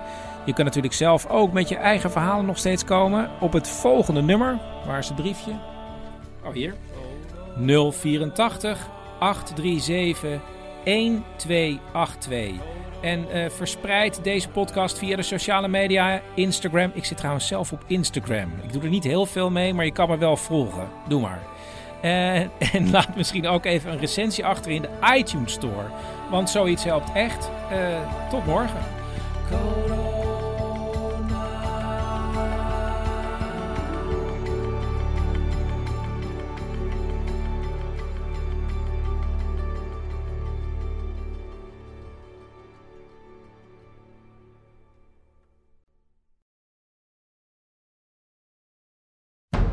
Man met de microfoon presenteert Lockdown. Een coronaserie waarin we samen toewerken naar 6 april. Dit is dag 7. Ja, en wat hebben we vandaag gedaan? Eh Paulien en ik hebben afgewisseld met het spelen met Wiek en eh, werkjes gedaan met hem. Ik eh, ben nog even ook vandaag met hem naar buiten geweest, gevoetbald in het park na het eten. Afstand gehouden van iedereen, maar het viel me wel op. Er waren best wel clubjes van mensen. Vond ik toch een beetje raar. En oh ja, ik was te gast bij de Belgische radio. De VRT heeft nu een, een nieuw programma. Dat heet We Zullen Doorgaan. En dan openen ze elke dag, geloof ik, met het lied van Ramse Shaffi. En ik mocht daar over lockdown praten. En voordat ik geïnterviewd werd, hoorde ik al de uitzending. En toen ontdekte ik een soort cultuurverschil tussen België en Nederland over de aanpak van corona. Want daar gaat het heel erg over mondkapjes. Er is net een nieuwe website gelanceerd, maakjemondmasker.be. En daarop vind je alle informatie over hoe je zelf goed mondmaskers kan maken. Alle informatie die daarop te vinden is, die is afgetoetst bij de FOD Volksgezondheid. Dus als je zelf aan de slag wil gaan met naald en draad, check dan die gloednieuwe website maakjemondmasker.be. Radio 1. We zullen doorgaan. Wij houden uw gezelschap in dagen van isolatie. Ik zat natuurlijk hier gewoon thuis in mijn geïmproviseerde studiootje. Maar ik had wel gezorgd dat ik mezelf opnam met een eh, microfoon, zodat jullie nu goed geluid hebben. En op een gegeven moment praatte de presentatrice naar mij toe. En toen heb ik uitgelegd wat ik aan het doen ben. En ook dat ik een speciaal telefoonnummer geopend heb voor jullie verhalen. Het is zo, ja, ik denk, ik kan natuurlijk niet al die verhalen helemaal eh, laten inspreken. Dus ik heb gevraagd aan de luisteraars heb je nou een verhaal over een lockdown? Ben je ooit ingesloten geweest of opgesloten? Geef mij drie trefwoorden. En als ik denk, oh, dat zijn drie hele goede trefwoorden, dan bel ik je terug en dan neem ik dat verhaal op en dat monteer ik dan weer. Wauw, eigenlijk wel spannend. Dus dan heb jij nu een voicemail waarop dan staat citroen, Turkije, onderbroek, bijvoorbeeld. Ik ben, ik ben heel benieuwd naar jouw verhaal nu. Ja. ja, dit, dit, verhaal verzin ik nu even. Ah. Maar uh, wauw, ja. En die verhalen, die stromen binnen? Ik vond het natuurlijk vooral heel jammer dat haar verhaal niet echt was. Maar gelukkig, jullie verhalen stromen binnen. En dit is er eentje die mij wel interesseerde. Hi Chris, je spreekt met Esme. Um, ik heb drie woorden voor je. Die zijn tekenen, massahysterie en verdovingsgeweer. En dus belde ik met Esme Hagens. Nou, ik heb het net nog even teruggezocht. Ik wist het jaartal niet precies, maar het was in 2007. En ehm, ik was uh, met mijn uh, klas van uh, mijn opleiding kunstzinnige therapie in de dierentuin in Blijdorp in Rotterdam. En daar waren wij heel blij walibi's aan het natekenen. En op een gegeven moment zie ik een hele horde mensen langs rennen, gillend. En uh, schreeuwend. En uh, die, uh, die zeiden, er is een aap ontsnapt. en ik zag ineens al mijn klasgenoot ook heel hard wegrennen. En mijn docenten. En ik stond daar nog met één klasgenoot. En wij waren heel droog. Zo van, ja, aap ontsnapt. Weet je, doe even normaal. Het zal een vent in een pak zijn. Het is gewoon een grap van een tv-programma of zo. Of zoiets dergelijks. En... Um, nou ja, toen, uh, toen uh, zagen we op een gegeven moment een, uh, een man aankomen rennen met een, een, een, lege, of nee, met, zijn kind, met een kindje op zijn, op zijn arm. En die was helemaal aan het zweten en dan, ja, er is iets gebeurd en ik ben mijn vrouw kwijt en ik, ik, ik moet een telefoon, ik moet haar bellen, ik moet haar bellen. Dus ja, mag ik je telefoon? Ik zei, nou ja, dit is niet echt een normale reactie, weet je, dat, dat is echt bizar.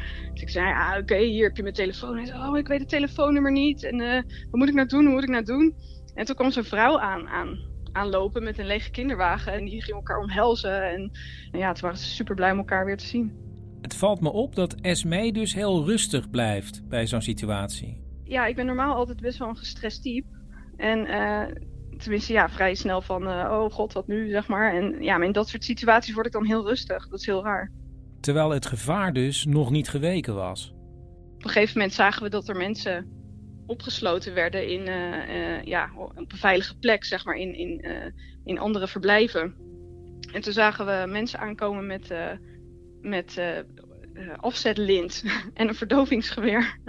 en dus ik zo, volgens mij is er wel echt iets gebeurd. Ik zo, ja, die aap die ontsnapt is, is die al gevangen? En toen werd gezegd, nou nee, dat dus niet. Dus ik ehm, dacht, nou, misschien is het nu al de tijd om dan de dierentuin te gaan verlaten.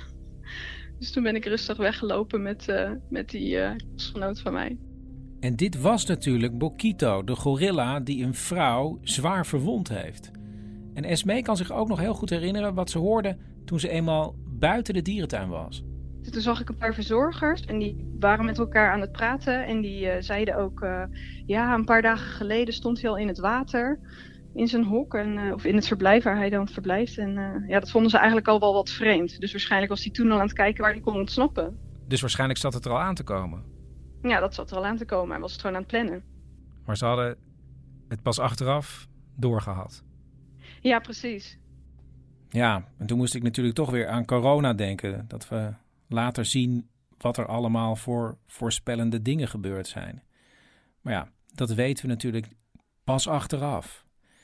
Ik uh, vroeg Esme, die dus heel cool blijft in uh, zo'n situatie, hoe, hoe dat bij haar zit met corona. Is ze nu gestrest of nog steeds de rust zelf? Mm, nou, het zit er een beetje tussenin. Het is met vlagen, word ik er wel een beetje gestrest van. Wat maakt je dan nu gestrest? Uh, ja, het is meer zo'n dat je gewoon eigenlijk echt niet naar buiten kan. Maar je mag nog naar buiten, hè? Ja, je mag wel naar buiten, maar ja. Nou, wat wel heel grappig is trouwens over naar buiten gaan hier. Want ik woon in een eh, soort buitenwijk van Almere. Normaal zie ik hier echt niemand. En nu eh, is het in één keer heel druk hier. Zie je ineens allemaal mensen buiten, terwijl je nooit normaal mensen buiten ziet hier. Nou ja, het gekke is, ik was gisteren aan het fietsen met mijn vrouw en kind. Ja. En er waren allemaal mensen aan het lopen, s'avonds inderdaad. Ja. Ik zei op een gegeven moment, hè? Ik heb nog nooit zo druk gezien. Nee, nee. Het gekke bizar? is, dus we moeten bijna lockdown. En op dat moment Ja. gaat iedereen juist van het buitenleven buiten. genieten. Ja, ja. Maar gekke, als mensen al zeggen van proberen te beperken, dan voel je je al beperkt. Ja, dan krijg ik een soort van, eh, oh, er staat een hokje omheen, weet je wel. En dan, oh. Ja, Ja, dan voel je een opgesloten dier. ja, ja. Ik vind nou, nu hebben we het helemaal rond. Met de dierentuin ook nog aan het einde. Ja, precies. Bert, Chris. ik dacht ik bel even. Hoe is het met je? Ja, nou, het is... eh godverdomme. Wat ben je aan het doen? Nou, ik eh, ben mijn loopband aan het installeren. Die is vanmorgen bezorgd. En eh, de, sportscho- ja, de sportscholen zijn dicht en we moeten improviseren. Maar Bert, je ging toch nooit naar een sportschool? Ja, nou ja, ik had de intentie om te gaan. Hè? En deze intentie is mij sinds twee dagen afgenomen. Je kan een intentie toch niet afnemen? Ja, dat zou je denken, maar het is er toch gelukt. Ze? Ja, het kabinet, de ministers. Nou ja. Het is eh, allemaal zo van de een op de andere dag, Chris. Ik bedoel... Maar je, het kan toch niet anders? Er zijn er Ja. toch noodmaatregelen voor? En die gebruiksaanwijzing is in het Duits. Pff, bedienungsanleitung. Ja, Bert, even voor mijn begrip. Je hebt Ja. nog nooit gesport en nou wil je opeens op een loopband gaan rennen. Ehm, Chris, ik wil deze periode aangrijpen om mezelf eens even opnieuw op de kaart te zetten. Op welke kaart? Ja, op een andere kaart. Ik eh, ga nu ook voor vegan en zo min mogelijk zuivel. Helemaal geen zuivel. Nou ja, zo min mogelijk. Nee, dan is het niet vegan. Dan is het vegan light. Weet je? Ha, hij doet het. Wat doet het? De minimonitor. Oh, Geschwindigkeit, voorzichtig beginnen. 16. 16? Bert, Ja. Heb je ooit Starten. op zo'n... Dus toch in het Nederlands. Ah, here we go.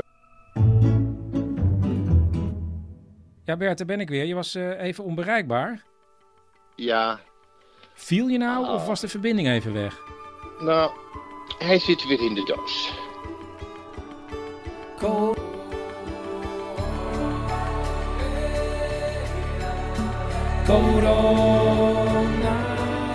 Dit was aflevering 7 van Lockdown en meegewerkt heeft vandaag Bert Kommerij.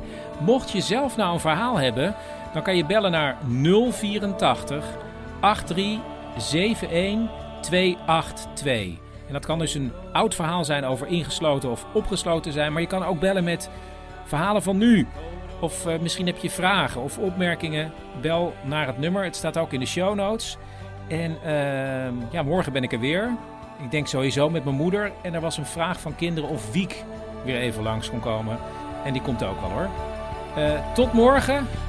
En eh flatten the curve.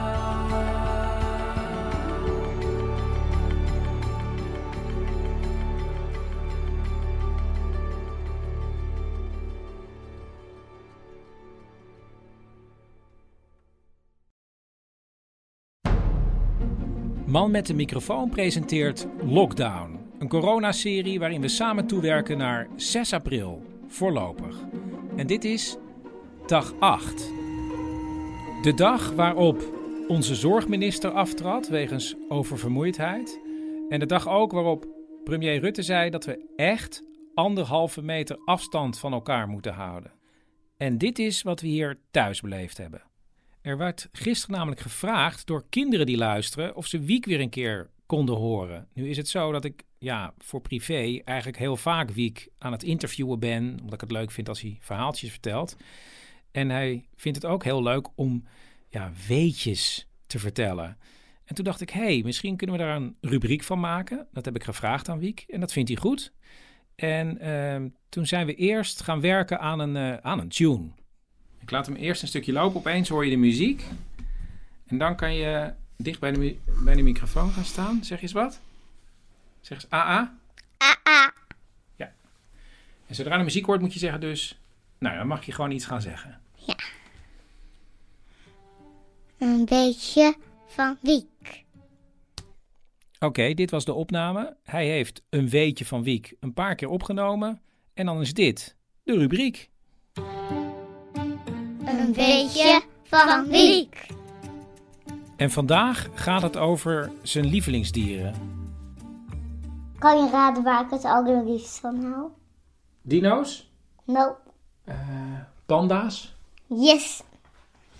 Wat weet je van panda's? Eh, dat ze veel bamboe eten. We hebben ook bamboe in de tuin. Dat is heel toevallig. Ehm, en wat ik ook nog over panda's weet, als ze bamboe eten, dan stopt ze opeens met die bamboe, vinden ze opeens niet meer lekker, die bamboe. En dan gaat ze weer een andere. Dan is ze weer een andere bamboe, een ander soort. Dus dat weet ik allemaal van panda's. Dinosauriërs weet ik wel veel en veel te veel van. Omdat ik een heel boek heb en daar weet ik alles uit. Vertel gewoon één ding over dino's. Nou, sommige zijn langnek dinosaurussen. Die eten planten. Vleeseters eten vlees. En wat is vlees dan? Wat eten ze dan eigenlijk? Nou, mensen, de plantendinosauriërs. Oké. Maar mensen bestonden toen nog niet. Dus mensen nog niet. Ik heb nog even één vraag, Wiek. Wat is het namelijk morgen voor een dag? Mijn verjaardag. En hoe oud word je dan? Vijf. En wat gaan we doen? Spijtjes doen. En we hebben een nieuwe kaars gekocht. Een roze. En die kaars gaan we aansteken bij het ontbijt morgen. Ja.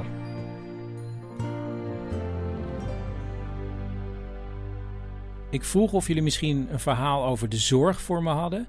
En toen kreeg ik een mailtje van Monique de Giffel, die heel lang voor haar moeder heeft gezorgd als mantelzorger. Want haar moeder had afasie en dat werd steeds erger. En nu woont haar moeder in een zorgcentrum sinds een jaar. En sinds een paar dagen mogen daar geen mensen meer op bezoek komen. En dus moeten de bewoners de hele dag op hun eigen kamer blijven zitten. En ik vraag aan Monique wat dat voor haar moeder betekent. ja, het is een beetje naar buiten zwaaien, weet je. Dus eh, ze, ze, ze krijgen eten op de kamer. eh hun bewegingsvrijheid is natuurlijk wel heel erg eh, ja, aangescherpt. En, en, en ze mogen niet meer eens op de gang lopen. en het zijn allemaal, ja, ze zijn allemaal zo 80, 90, nog net geen 120. Maar het zijn allemaal oude, het zit precies in die doelgroep. Toen haar moeder vorig jaar naar de zorginstelling ging, bleek dat haar spraak vooruit ging omdat ze zo tussen de mensen zat. Maar dat lijkt nu veranderd. Wat mij opvalt in de afgelopen zeg maar vijf, zes dagen, omdat ze natuurlijk minder contact heeft met mensen, gaat die spraak achteruit. Dus je moet haar zoveel mogelijk gaan bellen of mensen laten bellen. Ja, ja, ik heb een telefoontje gekocht, weet je, met zo'n 1, 2, 3, 4 nummer. Nou, dan belt ze me op en zo kan ze ook dan mijn zus bellen. En dan, nou, dan heb je zo'n kletspraatje en mensen kunnen haar bellen. En ik probeer ook eigenlijk niet te veel erover, over die ziekte te praten. Want ja, is ook maar een beetje, we weten het allemaal niet zo. En, maar zij is eigenlijk, weet je, dus zij is ook uit de generatie. Ze heeft in een jappenkamp gezeten. En toen het net begon, toen zei ze, nou, ik heb zoveel al meegemaakt. Dit kan ik ook nog wel aan, weet je. Ze is mentaal wel heel sterk, maar ik merk gewoon aan de stem... Ja, van wat moet je verder doen? En dus kijkt de moeder van Monique wat tv, heel veel tv. En ze bladert door tijdschriften en kijkt naar plaatjes, want lezen kan ze niet. Maar Monique probeert wel veel te bellen en dan bijvoorbeeld gewoon te zeggen wat er in haar tuin gebeurt. Dat er twee meisjes eh, voor het raam zitten en die waren aan het vechten. Of de bloemen die, die aan het uitkomen zijn. En weet je hoe de lente zich weer, weer een beetje aan het presenteren is. En sinds kort heeft Monique weer iets nieuws verzonnen. Nou, wat ik nu doe is, eh, dan bel ik erop en eh, daar ben ik gisteren ook mee begonnen. En toen zei ik van, nou, weet je wat ik ga doen? Ik ga jou iedere dag, ga ik jou gewoon een mop, paar mopjes vertellen uit Max Tailleur. En dat heet Geloof mij. Dat is een boekje uit 1972 of zo. En daar staan nog allemaal dingen in dat je denkt, ja, sommige moppen kunnen echt niet. Maar er zijn ook wel grappige mopjes, weet je wel. En, en, en dan vertel ik die haar. En dan lacht ze. Je moet nu even dat boekje pakken van Max Tailleur en even afsluiten met een goede mop. Met een mopje? Ja. Ja, ik heb een hele leuke gevonden. In een broodjeswinkel komt een gorilla binnen en die vraagt: Mag ik een broodje pekelvlees en een glas thee? De bediende geeft het hem en zegt: Dat is 2,75. En ik moet je bekennen dat ik nooit had gedacht nog eens een gorilla in de zaak te krijgen. Waarop het dier antwoordt: Met zulke prijzen zal het ook wel de laatste keer zijn. Ja, dat is inderdaad best een goede grap. ik belde vroeger altijd met de Max de Jur Geinlijn. Oh ja? Ja, was een telefoonnummer waar je heen kon bellen. Maar die bestaat niet meer, denk ik. Daarom is het goed dat jij weer even een oude Max de Jur grap aan ons hebt verteld. Monique, dankjewel. Hé, hey, graag gedaan. En ik hoor graag je podcast weer. Zet hem op, hè. We gaan de rubriek van mijn moeder ruimer opvatten. Dus niet meer de tip, maar tijd voor mijn moeder. Tijd voor de moeder van Chris. Tijd voor de moeder van Chris. Oh ja. Tijd voor de moeder van Chris. Het is weer Tijd voor de moeder van Chris. Ik, ik, heb, ik werd gisteren opgebeld door, de, uh, door Fieke Klaver. Ja, dat is de vrouw van de pastor hier van de Rooms-Katholieke Kerk. Die ken ik weer. En die zei, Gerda, um, als ik iets kan doen... je kan misschien niet meer zo makkelijk weg. Je laat het toch wel weten, hè? Nou, dat denk ik... Dat is toch hartstikke lief dat ze daaraan denken.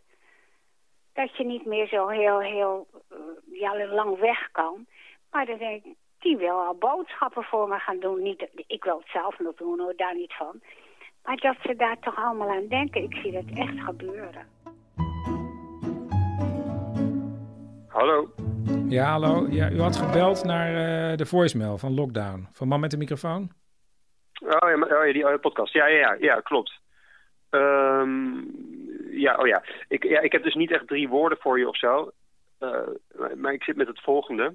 Ja. Um, ik, uh, ik zit dus thuis, uh, maar ik heb ongeveer niks. En hoe bedoelt u precies? Um, spullen. Ik, heb geen oh, ja. spullen. Ik, ik zit hier in de leegte. Oké. Okay. En om heel eerlijk te zijn, het is niet echt goed voor de stemming. Misschien kunt u iets kopen? Zou ik kunnen doen, zou ik kunnen doen. Maar dat zou een beetje raar zijn, want ik heb net vorige maand alles weggekondood. Weggekondood? Ja. Wat moet ik me daarbij voorstellen? Weggekondo. Nee, ja. Nee, ja. Uh, Marie Kondo. Die opruimgoeroe. Ken je dat niet? Nee. Oh, oké. Okay. Ja, daar had ik dus een boek van. En Mhm. daarna heb ik de Netflix-serie gekeken en daar was ik heel erg mee bezig. En toen heb ik dus gedaan wat zij zei. En, en dat is dus uh, alles wegdoen wat geen joy sparkt. Zoals wat dan? Uh, nou, uh, Marie Kondo is bijvoorbeeld heel erg tegen het bewaren van dingen die te maken hebben met hobby's die je ooit nog wel zou willen oppakken. zij zegt dan, ga dat nou maar doen als je er echt zin in hebt. Want anders zit zo'n onbenutte hobby je eigenlijk altijd zo verwijtend aan te staren vanuit je kast. Ja, nou, dat snap ik op zich wel. Ja, ja, ik ook wel. Dus toen heb ik mijn accordeon weggedaan. Want dat wilde ik altijd nog eens leren. Maar ja, daar kwam ik nooit aan toe. En wat denk je? Nou? Ja, nu kom ik eraan toe. Ja, dat, ding, dat ding is weg. En, en, ik kan toch moeilijk nu weer een nieuw accordeon gaan kopen. Dat staat er nergens op. Trouwens, dat kan ook helemaal niet. Want ik heb zo direct geen geld meer, want ik ben ZZP'er. Jeetje, ja. Wat een situatie. Niks te doen en niks te hebben. Nogal. Ja, wrijf er maar in. En wat heeft u dan nog wel? Uh, ik heb een hardhouten vloer. Uh, ik heb een klein tafeltje met erop een vaasje. En uh, in dat vaasje zit een pruimenbloesemtak. Oh. oh, dat is het? Dat is het, ja. Dat is eigenlijk alles wat ik heb. Ja. Het is heel minimalistisch. Maar ik vond gewoon van alle andere spullen dat ze geen joy sparkten. Niet, niet echt, snap je? En nu terugkijkend denk ik, ja, die dingen sparkten wel joy. Die sparkten onwijs veel joy. Ja. En wat mist u nou het meest? Ja, wat mis ik niet? Ik mis mijn kaasfondue-stijl heel erg. Eh, ik mis mijn verzameling Sesamstraat puzzels. Ik mis mijn denksportboekjes, mijn tv ook, mijn bank, mijn kleed, theepotje, pennen, mijn kussens. Ik mis het allemaal zo ontzettend. Ik zit hier maar met die kutpruimentak. En uw telefoon? Ja, die heb ik nog wel. Ja, die heb ik nog wel, ja. ja. Ja, maar kunt u anders niet op uw telefoon een een of ander denksportachtig spelletje eh, doen? Ja. Hm. Ja, misschien wel.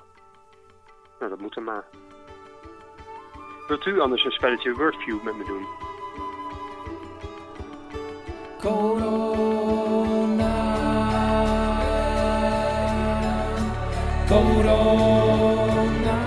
Dit was aflevering 8 van Lockdown.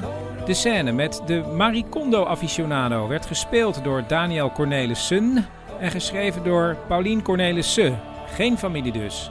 Ik zou zeggen, heb je een verhaal, dan kun je nog steeds bellen naar het nummer 084 837 1282. En eh, verspreid het hè, op Facebook, Twitter en wat nog steeds helpt, eh, sterretjes in de iTunes Store. Ehm, ja, ik zou zeggen, wij gaan zo de slingers ophangen voor Week.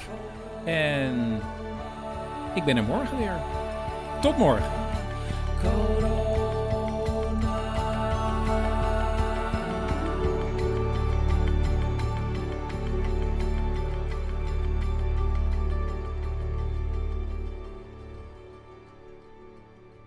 Sorry, mag ik nog heel even iets zeggen, Chris? Want je zit zo erg te benadrukken dat Daniel en ik geen familie zijn. En dat zijn we ook niet. Ja. Maar Daniel Daarom zeg ik Cornelissen. Sun. Ja, je schrijft het anders. Ehm, wat overigens ook niet echt alles zegt. Maar goed, ehm, Daniel en ik hadden eigenlijk met elkaar afgesproken dat we niet meer heel erg de hele tijd gingen benadrukken van we zijn geen familie. Alsof we ook totaal geen familie zouden willen zijn. Terwijl dat wat mij betreft best wel. Oh, oké. dus ik dan- kan gewoon zeggen, ge- gespeeld door Daniel Cornelissen en geschreven door Paulien Cornelissen. Oké, doe ik dat. In het vervolg, want ik ga het niet helemaal weer opnieuw. Nee, dat zou ik niet doen. Man met de microfoon presenteert Lockdown. Een coronaserie waarin we samen toewerken naar 6 april, voorlopig. Dit is aflevering 9.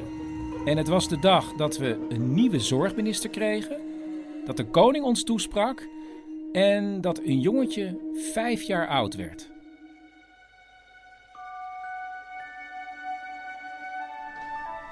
Goedemorgen, Liek. Dag. Moeten we zingen en kom je dan naar beneden? Mm. Mm, Ja. Oké. We dachten dat hij eindelijk aan het uitslapen was, maar we hadden natuurlijk gezegd dat als wij gingen zingen, dat hij dan naar beneden mocht komen lopen. Hij is gewoon wakker. Ja. Ach.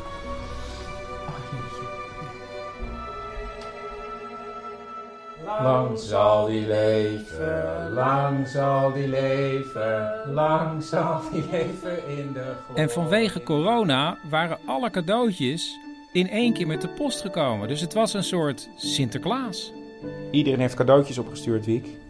Opa en oma, Bram, Marijke. Sjaan heeft een brief. Ja, en als je iemand enthousiast wil zien uitpakken, dan moet je bij een vijfjarige zijn. Oh, wauw, Lego! Brandweer Lego, waar ik mijn hele jaren op gewacht heb. Oh ja, dat heeft opa ook vaak. Kijk, dit. Zo leg ik hem op. Wauw, een dinosaurus knuffel. Dat stond al op een verlanglijstje. Ah, Marijke heeft dat zeker En via de WhatsApp kregen we allemaal filmpjes voor Wiek van zijn klasgenootjes. Die zongen vanuit hun eigen woonkamer.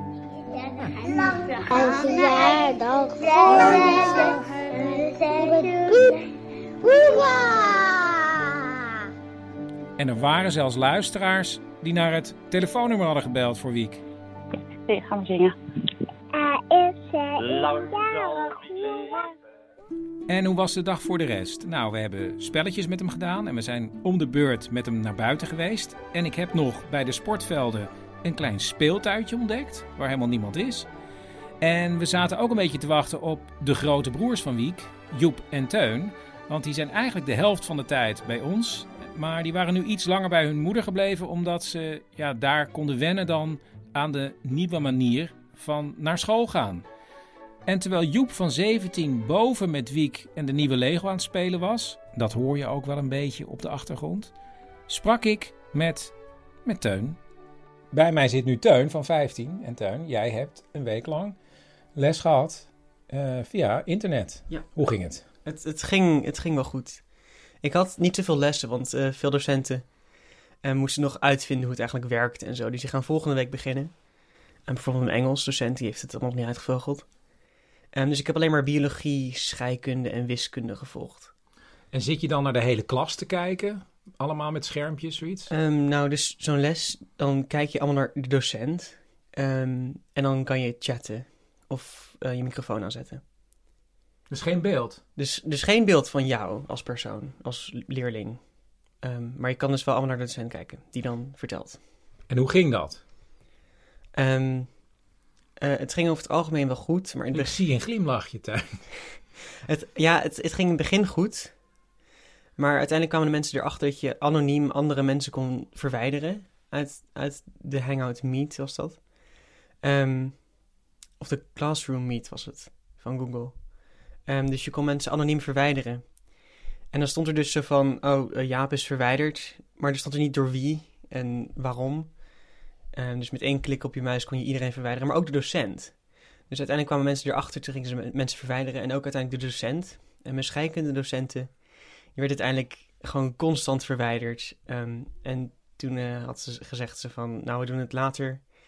Uh, dit wel, want volgens mij zijn er geen vragen meer. En uh, ik word elke keer verwijderd, dus ik kan de les niet meer voortzetten.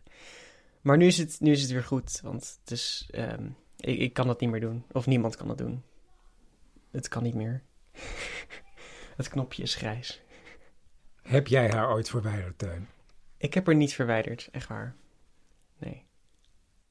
Thuis. En ontmoet je nog uh, andere leerlingen buiten de school om? Dus ga je toch nog naar buiten om andere leerlingen te ontmoeten? Um, ja, soms. Dat doe ik wel. Anderhalve meter? Nee. ja. Nu wel? Ja, nu wel. Als het lijkt me even genoeg. Als Mark Rutte het zegt. Sorry. Dan moet je die wel uithalen.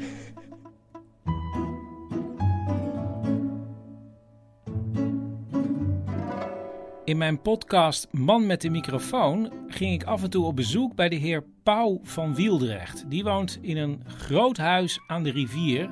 Ja, hij kan nu niet meer op bezoek, dus ik heb hem even gebeld. Uh, meneer Pauw van Wieldrecht, hoe is het bij u? Ja, if you're going through hell, keep going. Zo? Ja, Winston Churchill, Chris. Winston Churchill? Ja, het hele verzamelde werk staat hier achter me in lederen is een familiedingetje. Nourish your hopes, but do not overlook realities. En daar put u dan moed uit? En dat weten veel mensen niet. De Nobelprijs voor de... Ja, nou? vrede. Nee, de literatuur in, uh, wat was het, uh, 1953 als ik me niet vergis. Maar goed, ik vergis me niet. Never, never, never give in. Dat is toch een beetje andere koek dan uh, een beetje op elkaar, ik reken op u. maar goed, ik uh, ken Mark een beetje. Het is absoluut een uh, goede vent. En bent u nu alleen thuis? Ja, yep. ah, tutto solo. Anneliese zit nu in die hut in Italië. Een hut? Casa Como in Bellagio. Een heerlijke burg met een uh, goede grote weide eromheen. Een rompjes muurtje. Want in de zomer moet je het volk wel een beetje op afstand houden. Oh, en dat ligt in Lombardije? Esattamente. Como meer, Lake Como. Oh, en mist u uw vrouw dan niet? Missen? Ja, maakt u zich geen zorgen? Nee hoor, die heeft daar een kelder vol uh, lekkerheden. Dat kan ze met het Argentijnse personeel tot uh, 2043 van savoureren. Dus lijkt me geen probleem. Argentijns personeel? Nou ja, goed, dat is een heel ander verhaal. Maar weet je wat ik nu mis, uh, Chris? Nee. De Barolo Fossati. De Barolo Fossati? Ja, jongen, dat is een intens zachte rode wijn uit Piemonte. Maar goed, uh, die ligt daar in de hut op me te wachten. En ik doe het in de tussentijd wel even met een flesje van 50 piek. Oké. Okay. Ja, sterkte. Ja. ja, for myself, I'm an optimist. It does not seem to be much use being anything else. Churchill? Yes, Winston Churchill, Chris. Tot ziens. Corona.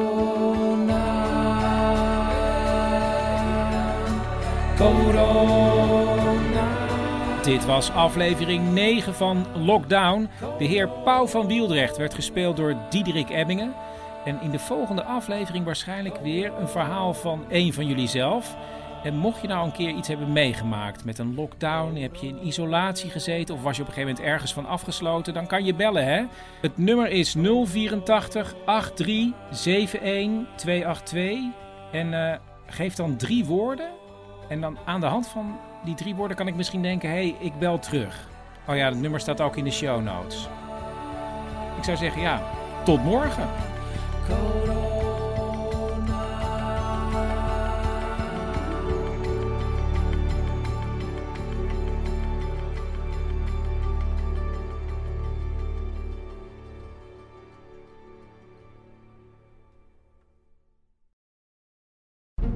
Man met de microfoon presenteert Lockdown, een coronaserie waarin we samen toewerken naar 6 april, voorlopig. Dit is aflevering 10. Kan ik niet gewoon beginnen? Begin jij maar, ja. Chris, wat is er vanmiddag gebeurd? Um, vanmiddag zijn wij uh, met een van de puberjongens en met Wiek in de auto naar de duinen geweest. En daar hebben we lekker gewandeld en in het zand gespeeld. Was fijn? Ja, ja. het was en fijn en ik werd er moedeloos van. Uh, niet omdat er heel veel mensen waren, want dat vind ik oké. Okay. Maar we hebben die anderhalve meter afgesproken. En uh, er waren ook op een gegeven moment uh, groepjes vrienden die gewoon met elkaar gingen picknicken. En ik was bij de parkeerautomaat en dan zie ik heel veel mensen wel die anderhalve meter doen. En dan een man achter mij niet. Ik zeg, ja, anderhalve meter meneer. Ja, ja. En dan doet hij het niet. En dan zeg ik, ja, ik meen het. En dan denk ik van, ja, jongens, we moeten het wel samen doen. Het voelt een beetje, zo, dat zag ik ergens staan. Iemand zei van, het is alsof, het, alsof je in de kleuterklas zit en iedereen doet heel erg zijn best. En dan zijn er twee die het verpesten voor de rest. Ja, dat. Zo, zo voelt het. Maar als een tegenwicht hier aan. We hebben ook wel uh, bijvoorbeeld vrienden die zijn langsgekomen en die dan heel lief, ja. echt zo, die bellen aan en die rennen meteen naar de rand van de stoep en gaan dan gewoon soort van op luide toon een gesprek met ons voeren. En dat vind ik echt zo ontroerend. Ja, oké, dat is ook waar. Ja. Maar, mensen, maar dit ja. valt ook binnen. Ja. En er zijn er maar een paar die verpesten voor de rest. Maar dus, ik wil ook benadrukken dat ik het heel tof vind als ik mensen zie die echt hun best doen ervoor. Niet voor zichzelf, maar voor voor de, de kwetsbare ouderen. Ja. En we wilden het ook nog even hebben over. Uh, nou, daar wilde jij het over hebben. Ja, over paniek. Ja. Want soms denk ik van, misschien zijn we iets te luchtig in deze podcast. Maar ook wij hebben af en toe dat we denken van, huh? En dan schrikken we even wakker s'nachts. En dan is er wat je zou kunnen noemen iets van paniek, waar gaat dit heen? Ja. En wij hebben het onderling dan altijd over Peter Faber. Peter Faber. ja, want Peter Faber heeft ooit in een tv-programma van Joep van Deudekom en uh, Rob Urgert... heeft hij dus een keer een soort heel lang verhaal verteld... wat ook in dat programma werd doorgespoeld. Ik hoop dat het nog ergens te vinden is op YouTube. Um, en dan... Maar, maar het, het, is een goed verhaal. Het, het, is een goed verhaal. Het gaat er namelijk om dat hij, in, dat hij in, het, in de zee aan het zwemmen is... en opeens ontdekt dat hij niet meer terug kan.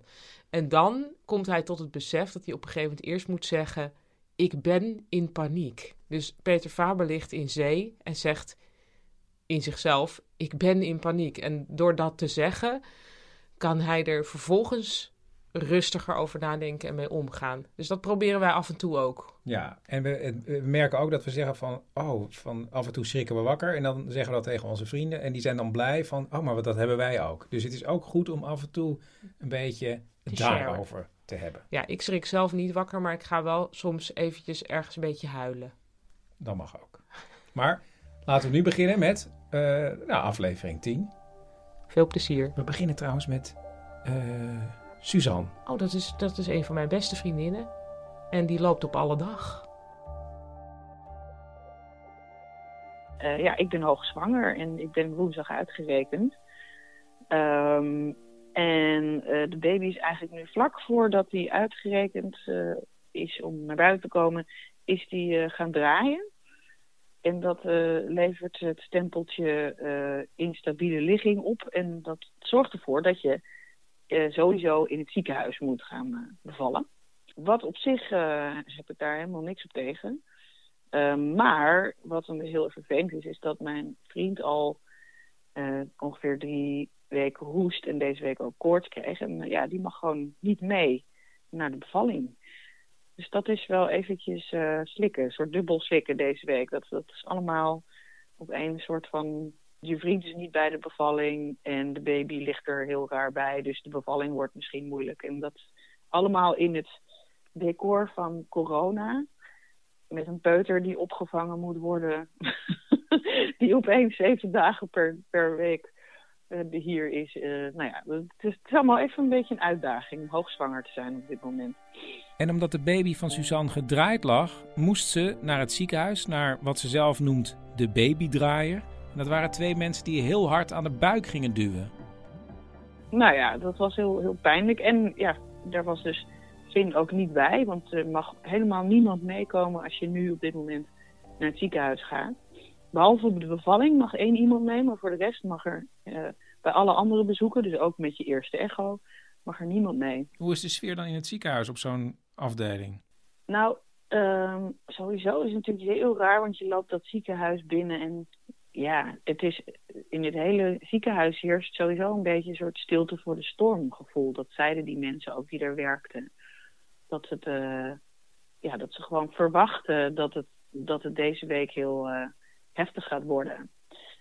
En ehm, wat ik ook begreep is dat ze wel eh, een aantal, nou ja, dat, dat vrouwen die nu hoogzwanger zijn, dat, dat die ook zeggen van, nou laat mij maar inleiden of doe mij maar een keizersnee, want ik word er doodzenuwachtig van. Maar ik heb dat wel eigenlijk de laatste dagen geprobeerd te omarmen, dat ik al mijn beslissingen die ik neem, eh, niet laat leiden door, door coronastress van, van andere mensen. Want iedereen zit me ook te appen van, oh ja, de ziekenhuizen gaan vol raken. En ben je nog wel, is het al gebeurd? Eh. Mijn moeder zei, kun je niet dit weekend een, een keizersnee laten doen? Iedereen wordt er allemaal een soort heel opgefokt van. Maar ja, in een ziekenhuis, hoeveel coronapatiënten er ook gaan komen, er zal altijd ruimte zijn voor hoogzwangere bevallende vrouwen. Dus daar moet je even helemaal van uitgaan. Dat is heel belangrijk. Vooral eigenlijk het mantra wat ik mezelf moet toespreken, zeg maar. Maar er moet natuurlijk wel iemand met je mee bij de bevalling. Wie gaat er dan mee? Nou, ik heb mijn broer gevraagd. Die is eh, altijd heel, eh, heel rustig en die heeft eh, twee kinderen al. En volgens zijn vriendin was hij fantastisch tijdens de bevalling. dus, eh, nou ja, dat, het is ook een beetje vreemd. Zoals een, eh, een vriendin van mij zei, dan zorg je wel dat hij aan de goede kant van het ei blijft staan. nee, dat hij zeg maar gewoon bij je hoofd blijft staan. Dat het toch een beetje gênant is als je broer aan de andere kant gaat staan. dat realiseerde ik me eigenlijk pas in tweede instantie. Dat het ook wel. Maar goed, eh, bevallen is sowieso alle schaamte voorbij natuurlijk. Dus eh, ja, weet je, die baby die komt er wel uit. Dus eh, de, hoe dan ook. Het gaat ergens de komende dagen gebeuren. En ehm, ja, we moet, je moet maar gewoon helemaal vertrouwen op iedereen die, eh, die er verstand van heeft. Dat, eh, kijk maar gewoon per uur een beetje wat er, wa- wat er gebeurt. Nou, Dus, Suzanne, ja, ik, ik zou zeggen heel veel sterkte. En ik hoop dat het een je beetje wel. een makkelijke bevalling gaat worden. Dat Maar- kan ook nog, hè? Ja, het zou zomaar kunnen. dat- Ja, nee, maar, maar het kan zijn dat de baby maandag eh, gewoon nog goed ligt. En dat ze zeggen, nou, je mag gewoon lekker thuis bevallen. Dus dat is ook nog steeds een optie. Oh, gelukkig. Ja. Oh, Ja. En kan Vinder dan wel bij zijn als je gaat thuis bevallen? Ja, dan, eh, dan, dan gaat de verloskundige allemaal een soort kleren aandoen. Om, ze, om, om zich eh, te beschermen tegen het hoesten van Vin. en eh, ja, ja, dat mag dan wel. En Finn blijft Dus, dan op ehm, afstand of zo. Die moet in de hoek gaan staan. Ja, ik denk het, ja. En, eh, en wat ik ook te horen heb gekregen van dat de kraamzorg moet ook bescherm- beschermd worden. Dus dat je helemaal geen bezoek mag ontvangen als de baby geboren is. Dat is ook wel raar. Normaal is natuurlijk ja, je moeder er binnen een uur of zo. Maar dat mag ook allemaal niet. Ook niet in het ziekenhuis. En hoe lang eh, gaat dat ja. duren? Ja, ook wel een tijdje. Dus uh, de bubbel die je sowieso al hebt, die is nog wat bubbeliger. Ja. Zelfs, nou ja, ik zat zelfs te denken, als ik een keizersnee krijg, dat kan natuurlijk ook nog, als de bevalling gewoon niet helemaal lekker loopt, dan mag Finn gewoon drie dagen lang zijn kind uh, nog niet komen bekijken. Hoe raar is dat? dat is echt absurd. Toch? Dat is echt heel heftig. Ja. ja. En dan lig je daar helemaal alleen. Nou ja, maar daar gaan we dan niet van uit. Ik hoop, ik hoop dan maar echt op een hele makkelijke bevalling in ieder geval. Ja, ik geef hem er gewoon aan over. Ik heb een speciaal nummer geopend, een telefoonnummer met een voicemail. Dat kun je vinden in de show notes. En daarin vraag ik of mensen lockdown verhalen hebben en of ze die in drie woorden willen inspreken. Want misschien denk ik, hé, hey, daar zit een goed verhaal achter. Zo was er dit bericht. Dag Chris, ik heb ook drie woorden voor je. En dat is Rome, Sint-Pieter en opgesloten. Dit was een bericht van Christine Marché en dit is haar verhaal. Oké, ik ga uh, van start. Nou, um, een aantal jaar geleden ben ik samen met mijn moeder naar Rome gegaan. Ik was toen een jaar of 19, ik ben inmiddels 44. En ik uh, heb een moeder, uh, die, nou ja, de meeste moeders, ik hoor vaak dat, dat er wat angstige moeders bestaan, terughoudend. Maar ik had vooral een beetje een overmoedige moeder. Um, en ik uh, ging met haar Rome ontdekken en we kwamen bij de Sixtijnse kapel. En daar uh, zagen we echt enorme lange rijen staan, echt extreem lang. Tot echt om de hoek van de straten. En nou, wij hebben even geprobeerd daarin te staan, maar dat hielden we eigenlijk niet uit. We dachten, dit is gewoon belachelijk, dit, dit schiet niet op. Kunnen we niet um, die Sixtijnse kapel links laten liggen en gewoon naar de Sint-Pieter gaan en gewoon even die grote binnenkerk bezoeken? Maar daar troffen we dus ook weer hele lange rijen aan iets korter, maar we stonden erin. En toen ineens viel mijn moeders oog op een andere deur. En die stond half open. En die, toen zei ze, ja, hé, hey, maar uh, die deur staat ook open. Kunnen we daar niet in? En toen zei ik, nou, dat lijkt me niet. Ik bedoel, er, er staan hier honderden mensen in een uh, fatsoenlijke rij te wachten. Dat is waarschijnlijk met een reden, dat dit namelijk de ingang is voor de toeristen. Uh, dus die andere deur zal wel niet voor toeristen bestemd zijn. Het is we kunnen toch op zijn minst heel even kijken.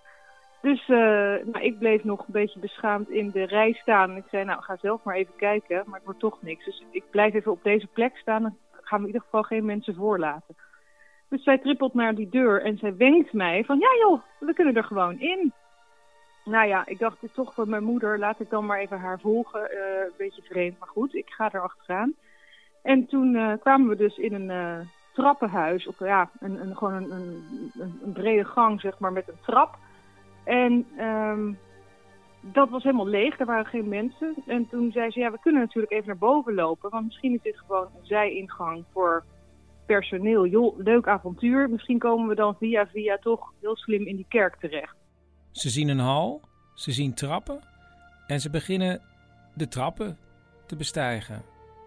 Minutenlang, de een na de ander wij bleven maar doorlopen en die gangen en die trapgang, die, die werd steeds smaller en smaller en smaller. Op een gegeven moment kwam er een zijdeurtje, die was ook open.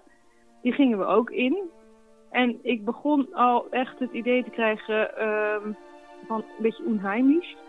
En ik, dat klopte dus ook, want ik hoorde ineens onderaan, beneden, waar wij vandaan waren gekomen, klonk.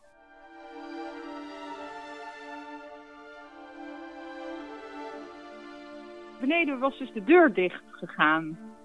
En toen werd ik een beetje, nou, op zijn minst zenuwachtig. Dus ik zei, uh, mam, uh, volgens mij zitten we nu uh, in dit trappenhuis opgesloten. En zij kreeg ook de zenuwen. Want ze zei, uh, ja, ik wou eigenlijk net zeggen, zullen we teruggaan toch maar.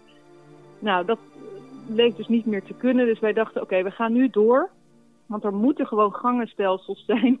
En bovenaan echt, ik weet niet hoeveel treden wij hebben betreden, maar ik weet natuurlijk door het later na te hebben gezocht dat de koepel 138 meter hoog is en dat het begaanbare stuk ongeveer 119 meter hoog is.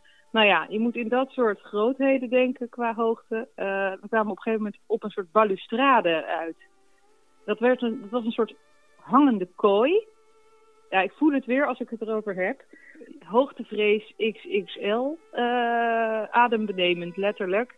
Dus als je naar beneden keek, zag je alleen maar van die puntjes lopen. Voor je heb je eh, ijzeren soort, ehm, nou niet tralies, maar een soort hekwerk. En je staat op een eh, houten soort vlonder. Dus het, is, het, was heel duidelijk een eh, plek voor renovatiemedewerkers.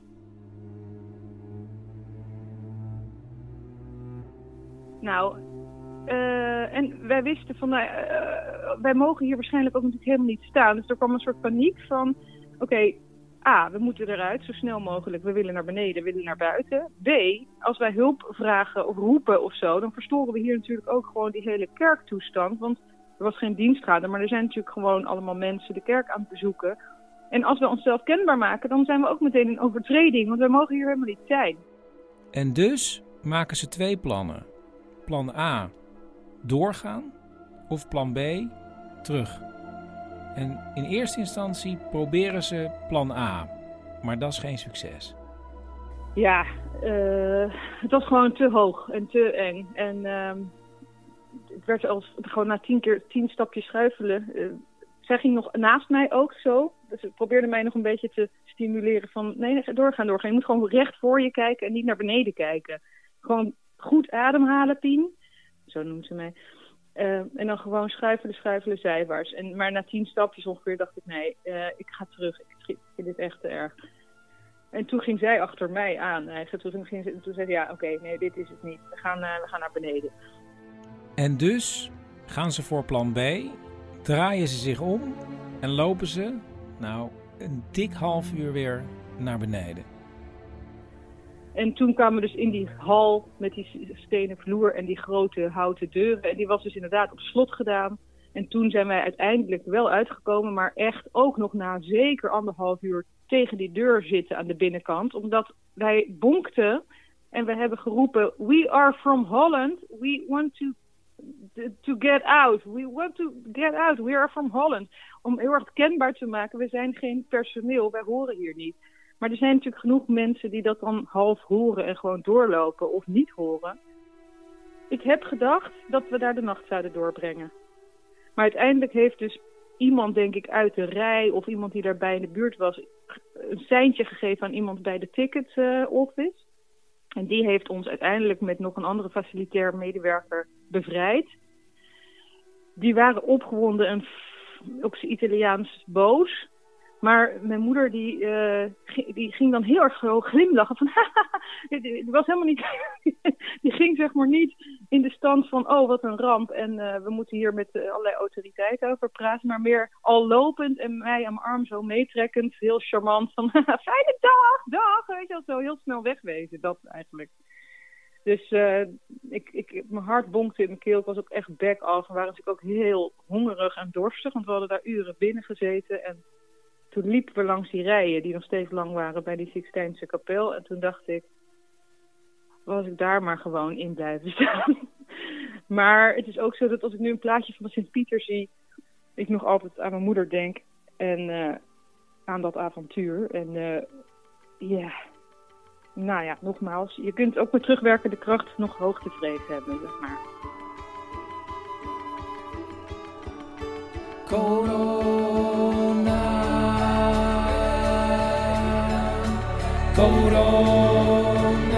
Dit was aflevering 10 van Lockdown. Ik zou zeggen, blijf nog even luisteren, want na deze afkondiging komt nog een, eh, een nieuwtje. Heb je zelf een verhaal over ingesloten zijn, opgesloten zijn, buitengesloten zijn, dan kun je dat doorbellen in drie woorden naar 084 837 1282. En misschien bel ik je terug en eh, hoor je je eigen verhaal hier in Lockdown. Ik zou zeggen, ja, blijf dus even luisteren nog, hè. En eh, nou ja, tot morgen. Of misschien overmorgen. Eén dagje rust. Nou ja, ik kijk wel.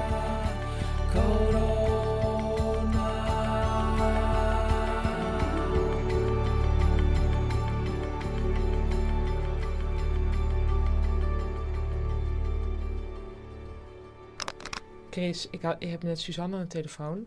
En eh haar broer is nu ook ziek. En het kan allemaal nog helemaal gewoon rustig verlopen dat haar man er gewoon bij kan zijn en zo. Maar als het vannacht gebeurt of morgen of morgennacht, dan staat mijn telefoon aan. En dan ga ik mee naar het OVG.